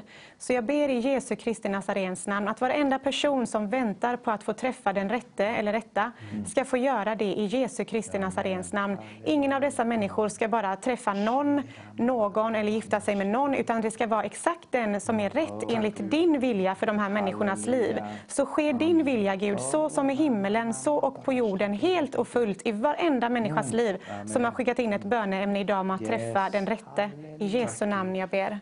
Amen. Så här fantastiskt har vi haft det idag. Tack för att du har varit med och, och lyssnat. Tack Linda Hermansson. Eh, och tack Miguel Flores.